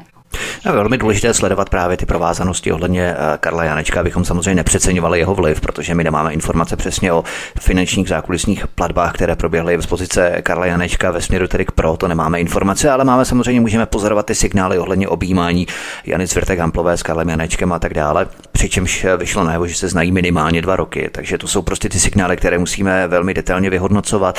Nicméně, proč se lidé podle tebe nepídí a nezajímají po biznisových aktivitách daných osob, nerozplétají jejich vazby, zákulisní konexe, dohody a na tom půdorysu, až by si dělali obrázek. Eh, když se tedy rozhodnou nikomu důvěřovat, eh, je potřeba, aby ten člověk prokázal svou bezúhonost i v tom podnikatelském světě, ne? Protože přece jenom člověk, který chce ovládat veřejné peníze, který si chce sáhnout na veřejné peníze, chce mít vliv na veřejné peníze, tak by měl přece mít nějakým způsobem pořádek ve svém vlastním životě, ve svém vlastním podnikání a prokázat, že on sám dokáže v tom reálném životě uspět. Ano, tak. ano co se týká paní Jany Zbrtek Hamplové nebo Jindřicha Reichla, ti dokázali, že dokážou v reálném životě uspět. Ono, eh, pan Reichl mi vypisoval na mém Facebooku, že prostě si mě srší neúspěšnost, jo? ale já nepovažuji svůj život za neúspěšný. Já mám stabilní rodinu, dokážu se o ně postarat, dokážu prostě vydělat peníze na to, ať jsme spokojení všichni. A to, to nepovažuji ve svém životě jako neúspěch, ale on to, on to považuje za, za, za neúspěch z toho důvodu, že za mnou nestojí mafiáni, kteří mi cpou ty miliony, abych pro ně dělala špinavou práci. Ale to není můj prostě životní styl tady toto. To je životní styl pana Reichla nebo paní Hamplové, která si nechala vyplatit 5 milionů korun v podstatě za právnické služby, přičemž nakonec dostala pokutu, jo, kde bylo jako jasné, že to navýšila prostě neskutečným způsobem. A lidé řeknou, no dobře, ale to právnička vzala si jenom svou odměnu, ale ta odměna nemůže být třeba v určité obci likvidační. Jo, to je jedna věc. Druhá věc je ta, jo, že v případě, že vám e, ty odměny vyplácí někdo, kdo si vás prostě bez výběrového řízení vybere, vybere a tu zakázku vám dá, což bylo případ paní Hamplové. A údajně dokonce eh, to byli starostové za nezávislé, kterým šefoval prý tehdy manžel paní Hamplové. Tak nezlobte se na mě. V případě, že dochází už v tomto soukromém životě paní Hamplové k takto netransparentním krokům, tak co bude potom dělat skutečně v té politice u toho korita, kdy se dostane k těm obrovským možnostem toho, eh, toho biznisu a tak dále, protože všichni sedí vlastně jako žába na pramení na těch informacích, které se k běžným lidem nebo podnikatelům nedostanou. Jak se budou tito lidé asi chovat tam? To je přesně ono. My samozřejmě nemůžeme ověřit ty informace k dispozici ohledně manžela, bývalého manžela paní Hamplové, zda řídil stranu nezávislých a tak dále. To se dá samozřejmě všechno dohledat, ale to může udělat ex post. Teď tady tu informaci nemám a slyším to poprvé. Nicméně to, že Jana Cvěrtek Hamplová byla v nezávislých stejně tak jako v ČSSD, k tomu se potom dostaneme, to je fakt a na to tady máme samozřejmě zdroje. Nicméně není právě tohle ten kámen úrazu v zacyklení celého toho systému, že tohle lidé třeba nedělají. A proto se budeme pořád točit v kruhu, nadšeně euforicky provolávat slávu a za pár měsíců nebo let zjišťovat, že je to bankrotář, defraudant, který se jenom dostal k lizu a zalátal svůj spackaný život veřejnými penězi.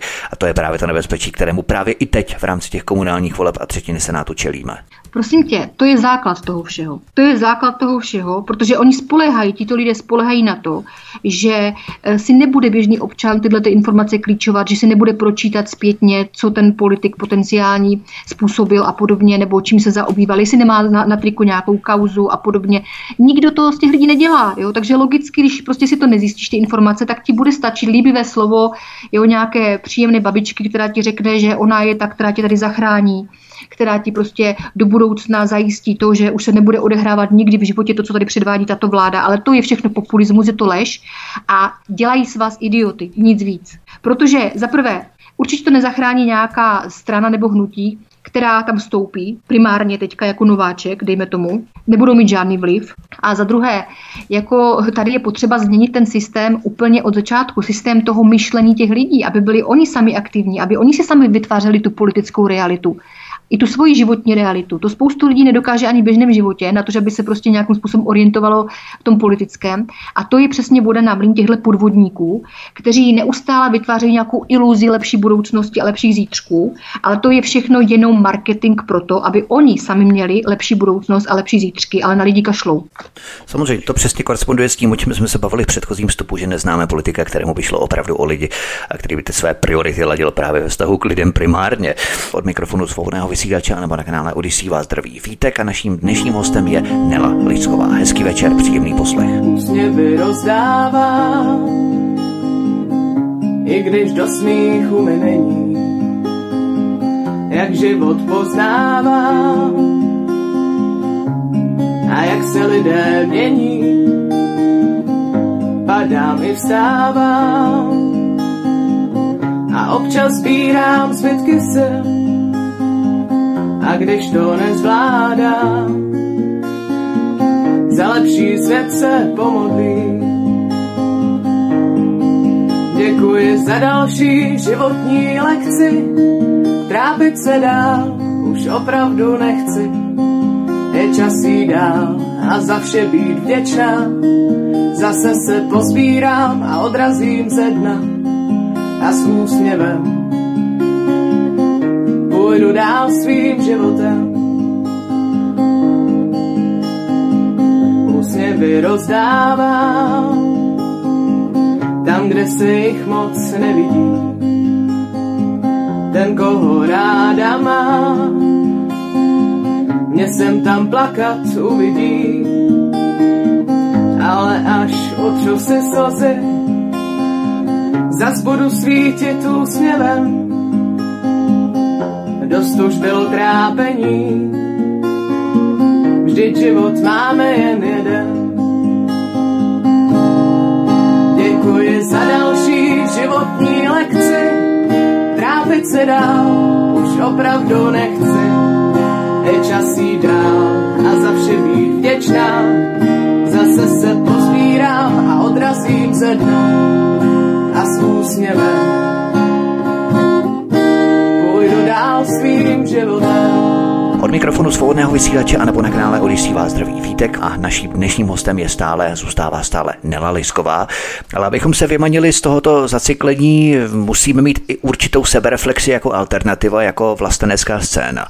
Myslíš, že ve vlasteneckých řadách existují stejně zhypnotizovaní lidé, kteří když krade babiš, tak jim létá pěna vsteky od úst, ale když krade nějaký politik, který sám sebe tituloval za vlastence, jsou ochotní najít tisíce výmluv a odpustit mu třeba i vraždu dítěte a rozprodání na orgány toho dítěte, ale prostě stačí, když prohlásí, že je vlastenec a najednou všechno odpuštěno. Já si toho všímám ano. poměrně ano. velmi intenzivně teď. Ano, to je, to, je, to je přesně, jak ty říkáš, oni jsou zhypnotizovaní vyloženě. Tak když si přečteš třeba uh, můj poslední status na mém facebookovém profilu, já jsem tam nechala veškeré komentáře, vidí tam spoustu komentářů kritických vůči mé osobě, ale já s ním počítám dopředu. To znamená, že já když vyjdu prostě s něčím, uh, co prostě vím, že se nebude těm lidem líbit, nebo že jim zkazím trošku tu iluzi toho, těch lepších zítřků s, těmi, s těmito lidmi, eh, tak počítám s tou kritikou a by to nevadí. A to beru prostě jako realitu. Každý můžeme mít svůj názor, pokud tam nejsou vulgární, tak to tam nechávám. Jo.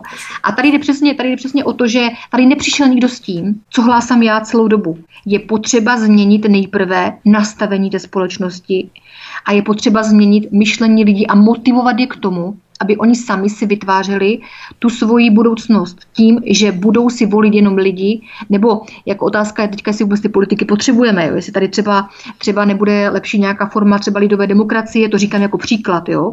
a dejme tomu nějaký deset lidí, kteří budou opravdu z řad odborníků a řídí ten stát, jestli potřebujeme tu veškerou tu agendu okolo toho, které nás stojí neskutečné peníze a ve výsledku jako nám to nepřináší vůbec žádné pozitivum. Jo, tak tak je třeba přemýšlet. Jo? A pokud každý občan se nebude uh, sám angažovat v tom, že řekne dobře, takže budu tady chtít volit třeba, dejme tomu nějakou Nelu jo? tak teďka si řekne, co dělala, kdy dělala, v jaké straně byla, jestli byla. Jo? A k tomu všemu třeba slouží to, že já nechápu, proč ti lidé se třeba nezeptají přímo. Jo? Že třeba proč, proč oni se tam vyhledávají nějaké lži na Wikipedii, když na Wikipedii si může dokoliv napsat o komkoliv cokoliv. Jo? A řeknou tam, no ale vy jste byla, uh, vy jste byla členkou SPD, Jo, já jsem v životě nikdy nebyla členkou SPD. Já jsem byla tři nebo čtyři měsíce v roce 2000 2015 členkou ostravské buňky ČSSD. A to z toho důvodu, že tehdy se mi jevila ČSSD v tom roce 2015 jako stranou, která má nějaký sociální program, sociální cítění a podobně a k tomu jsem inklinovala. Ale když jsem zjistila, jaký bordel tam panuje, jaké tam je, jaké tam, jak, jaký lidi tam jsou pod tím Adamem Rikalou, který to tedy řídil, tak jsem po, po čtyřech měsících sama vystoupila, odešla jsem a řekla jsem, že tohle je pro mě strata času, že jestli budu chtít dělat politiku, tak na nějaké úrovni, ale rozhodně ne eh, to, co předváděl třeba v té Ostravě. Takže to je moje jediná, jediná strana, ve které jsem byla a opravdu jenom ty tři, čtyři měsíce. Nebyla jsem nikdy členkou žádné jiné politické strany. A když se podíváš třeba na Wikipedii, Wikipedii tak tam vidíš, jo, čím vším jsem prolezla, že jsem byla dokonce členkou SPD a podobně. Nebyla, jo. A to, to je přesně to, co zavání takovým tím, to tam píšou lidé určitě, aby tě nějakým způsobem, v mém případě třeba dehonestovali, aby z tebe udělali někoho, kdo už toho má za sebou hodně a je neúspěšný. Jo. Já se nepovažuji za neúspěšnou. Já jsem nikdy neudělala na nikoho žádný podvod, žádný tunel, žiju slušným životem, Jo, vzorně se starám o rodinu, chodím do práce, jo, platím si to, co mám, nikoho neobtěžuju a nikomu neubližuju a z tohoto pohledu já si vůbec nepřipadám neúspěšná. Protože je spoustu, lidí, lidé... je spoustu lidí, kteří třeba nedokážou ani polovinu z toho, co jsem vyjmenovala. Určitě. Samozřejmě takový lidé se nalepí na každého politika, včetně Jindřicha Reichla nebo Jany Zvirtek Hamplové, proto je právě potřeba oddělovat ty skutečnosti od eh, fikcí, které si lidé vyfabulují, tak aby je poškodili od těch opravdu zásadních věcí, o kterých samozřejmě kolují na internetu články, o kterých se psalo v rámci úřadu hospodářské soutěže, v rámci organizace obce bez korupce a tak dále. To jsou samozřejmě všechno relevantní záležitosti a to je právě třeba oddělit od těch fikcí, které si někdo třeba vymyslel s úmyslem nebo přímo s cílem poškodit ty osoby. Stejně tak jako tebe. Jo? Ano, to je souhlasím, oddělit. Souhlasím, protože pokud má třeba pan Reichl nebo paní Zvrtek Hamplová nestandardní chování už uh, ve své běžné agendě, jo, jakožto právníci a využívají vlastně, využívají vlastně možnosti i v rámci toho, že třeba eh, paní Zvrtek Hamplová byla, byla starostkou své obce a využila těch možností, že jí byly třeba zakázky daný netransparentním způsobem a bez výběrového, bez žádného výběrového řízení, protože od určité částky tam je povinnost vyhlásit výběrové řízení. Jestliže se už v těchto věcech chovají netransparentně, tak neočekávejte, že budou budou zastupovat zájmy občanů. To v žádném případě, to je utopie. A vůbec neočekávejte, že se budou chovat úplně jinak, než se chovají stávající politici. Protože eh, spoustu občanů mi řekne, ne dobře, ale oni podávají ty žaloby a tak dále. Prosím vás, oni podávají žaloby v soudním systému, který je řízen e, touto politickou agendou. Podívejte se na můj případ, například v případě těch pirátů. Jo? Já můžu podávat žaloby na kohokoliv, kdyby byla právník, ale výsledek je nulový. A za dva, za tři roky už se ti občané nebudou ptát, jak to dopadlo, nebo jak dopadlo tamto, protože na to zapomenou. To znamená, že to, že podává někdo žaloby v systému, který je nefunkční a dobře ví, že ten výsledek bude absolutně nulový, nebude tak, jak si lidé třeba očekávají, ve výjimečných případech se může stát, že třeba dopadne dobře, ale, ale z velké části určitě ne. Tak to je všechno zase další součást jenom takového toho líbivého oblobovacího marketingu. To je jejich, man, jejich to je jejich aréna, tak spíš, nebo jejich kolbiště, ve kterém oni jsou samozřejmě těmi bojovníky. Nejsou právě tak kliše, když se pojmenovává korupce ve vlasteneckých řadách typu ty tříštíš vlasteneckou scénu pokaždé, když se přijde na nějaký podvod a tak to od sebe odpoutávají pozornost a kritiku těmito kliše. Možná i takováto primitivní kliše sami přiživují.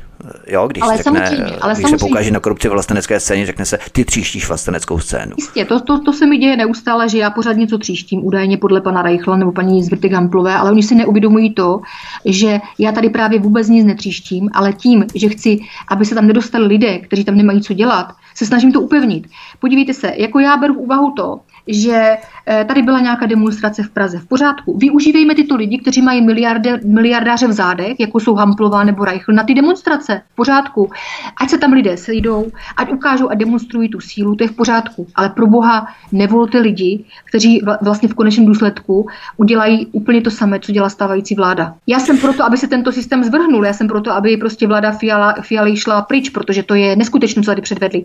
Ale taky jsem proto, ať se vyčistí ten vzduch, ať se tam naberou berou prostě lidé, kteří opravdu tomu rozumí. Jako tady, tady máme špičkové manažery, máme tady ekonomy, máme tady lidi, kteří opravdu těm segmentům by byli schopni rozumět ale opět se tam dostanou lidé, kteří vlastně jenom nějakým způsobem tím, že propagují nějakou právnickou agendu a že se zapsali u lidí tím, že po určité době, jako kdyby rádoby prozřeli od toho covidu a snažili se jednat tu vlasteneckou vlnu, tak uh, tito lidé ale v podstatě do budoucna nezajistí pro vás vůbec nic. Já nevím, co od toho pořád očekáváte, protože tady skutečně žádný spasitel není.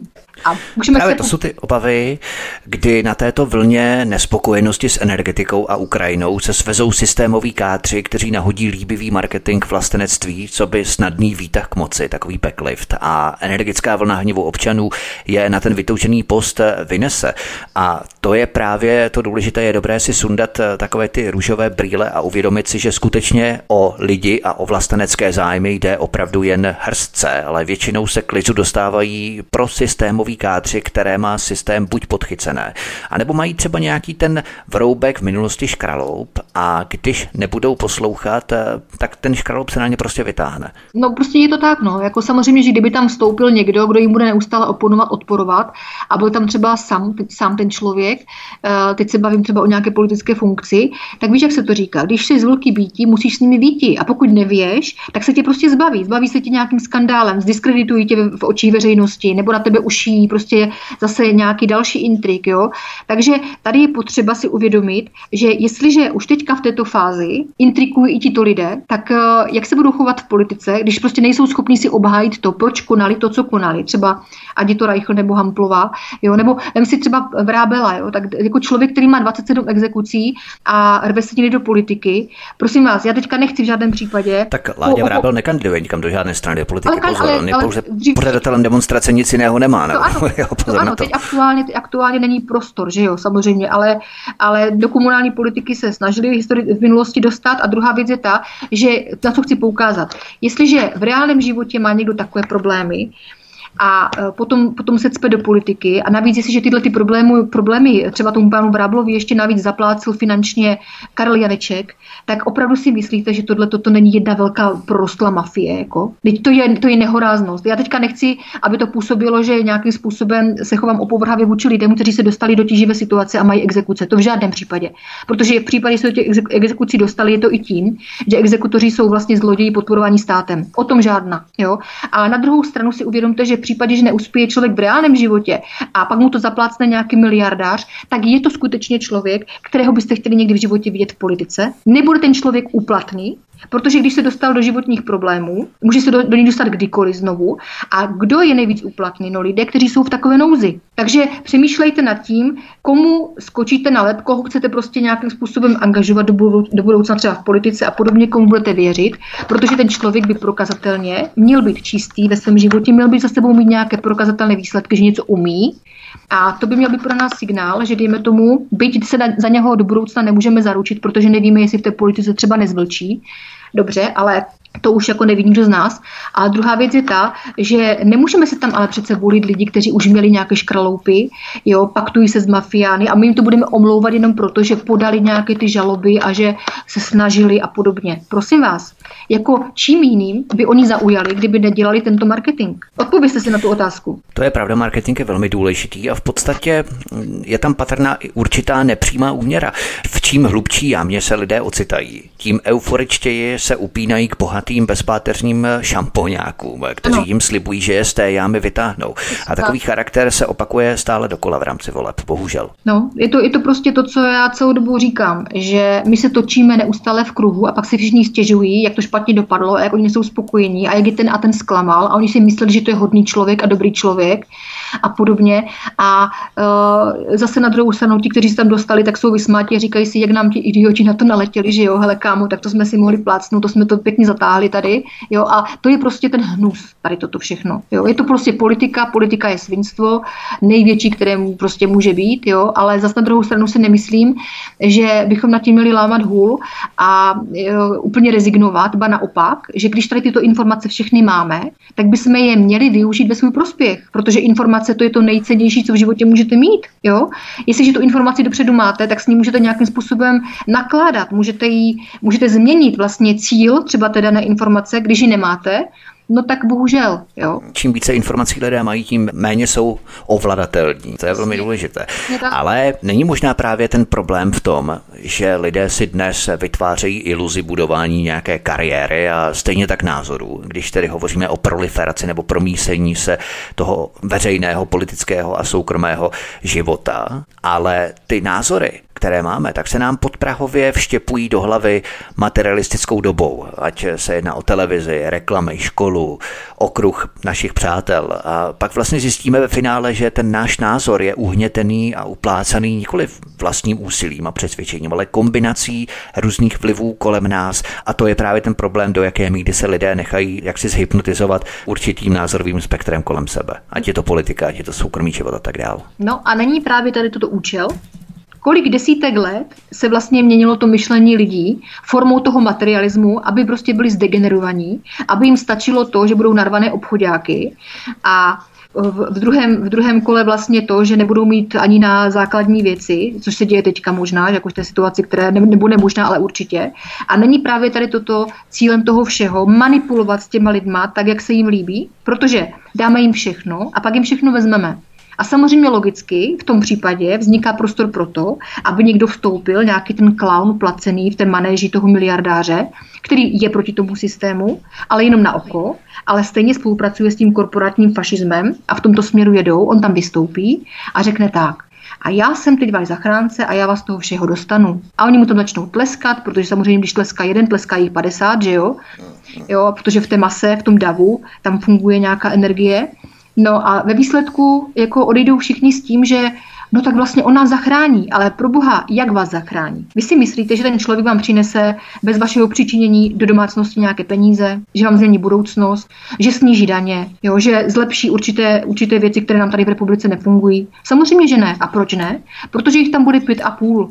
A těch pět a půl se dostanou k tomu koritu, budou spokojeni, ale už budou vždycky přehlasováni tou většinou, která tam zůstane. Takže kdo dostalo se tady nějaká systémová změna? Samozřejmě, že nedostala. A kdo na to bude nejvíce doplácet? Ten důvěřivý občan, který přesně těmto lidem tleskal.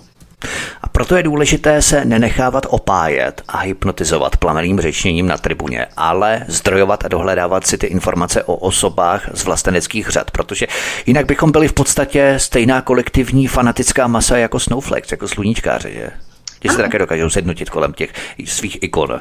Samozřejmě, samozřejmě. Já bych si nedovolila, kdyby za sebou měla nějaké korupční skandály a kdyby za sebou měla třeba to, co mají členové hnutí pro, tak bych si nedovolila takhle veřejně vůbec vystupovat, protože bych měla sama máslo na hlavě a samou nějakou pošramocenou minulost.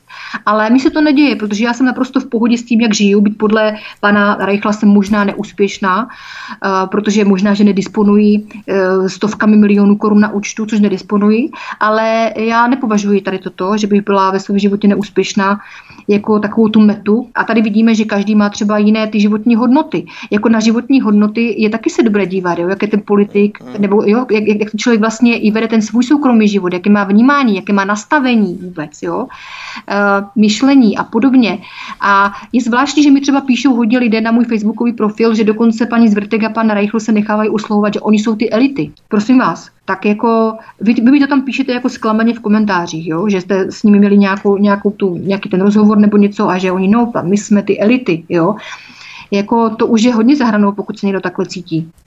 My jsme se tady bavili také o tom, že naše životní hodnoty jsou nebo můžou být ovlivňované částečně i televizními reklamami, ale v podstatě politika je také určitý druh reklamy. Kupte si mě, když mě budete volit, budete se cítit líp, vytáhnu vás z brindy, takový zabalený artikl obchodu s názory, obchodu s emocemi, nadějemi a tužbami lidí, že v podstatě ano. politika. Já bych to třeba, já bych to třeba v rámci volební kampaně nikdy ne, ne, vůbec bych to nevypustila z pusy něco takového.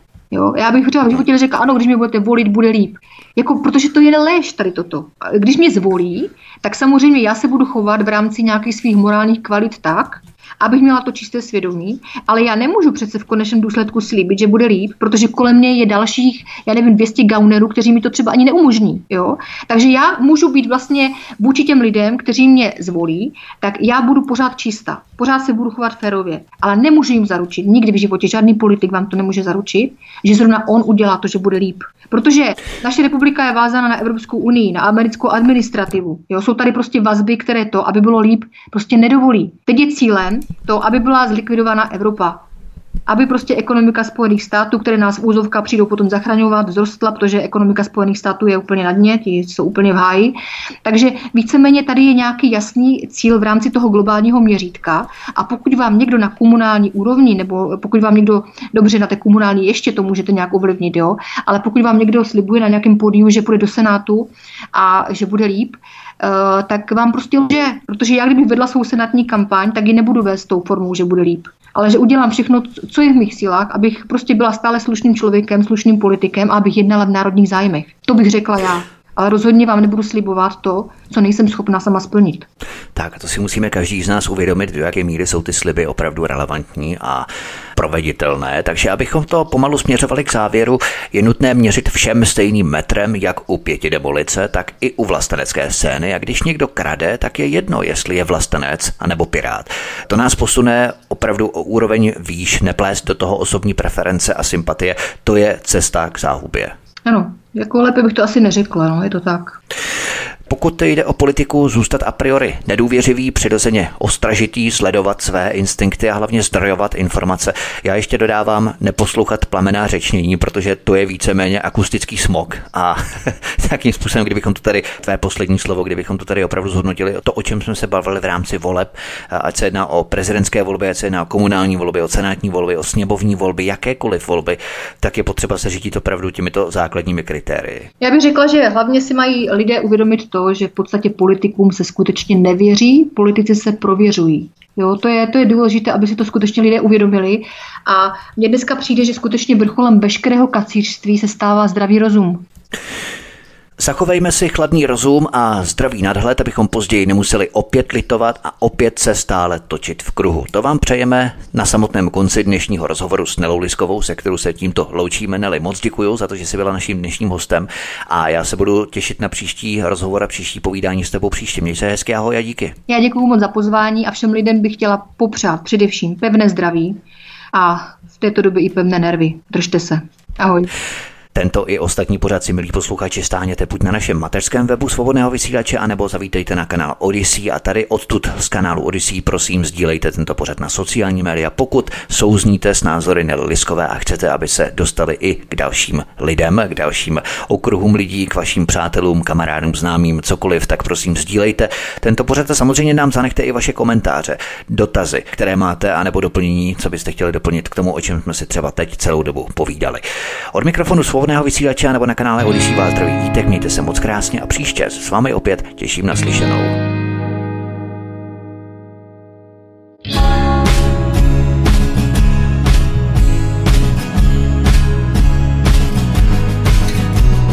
Kašpar s modrou vlajkou dnes posílá naše děti do války. Kluci nebo holky, všichni budou platit krutou daň. Ještě včera děti, dívky v klidu navlékají korálky. To je už všechno jedno, přeje si to přece strýček sám. Lásko, zítra mi naposled zamáváš. Lásko, pusu na rozloučenou mi dej. Lásko, zbytečně na ty skety nadáváš. Lásko, dneska se na mě ještě směj.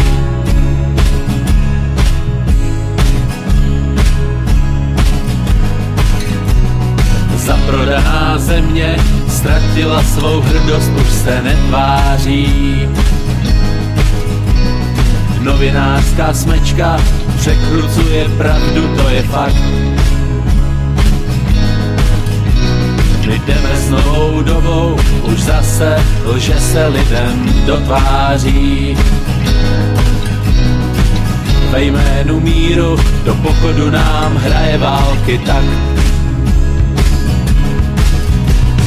Lásko, zítra mi naposled zamáváš lásko, pusu na rozloučenou mi dej.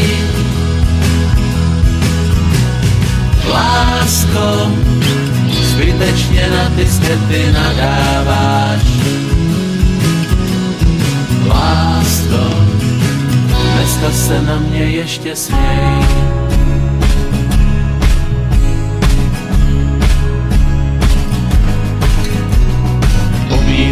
Doba, kdy mafián si dále nohna na tričko. Tak naši slavní určují víru, módu, vkus. Poradí rádi, vždyť pro ně je to maličkost. Národ to žere, no pro mě je to hnus. Lásko, zítra mi naposled zamáváš lásko, pusu na rozloučenou mi dej. Lásko, zbytečně na diskety nadáváš. Lásko, dneska se na mě ještě směj. Prosíme, pomožte nám s propagací kanálu Studia Tapin Rádio Svobodného vysílače CS. Pokud se vám tento nebo jiné pořady na tomto kanále líbí, klikněte na vaší obrazovce na tlačítko s nápisem Sdílet a vyberte sociální síť, na kterou pořad sdílíte. Jde o pouhých pár desítek sekund vašeho času. Děkujeme.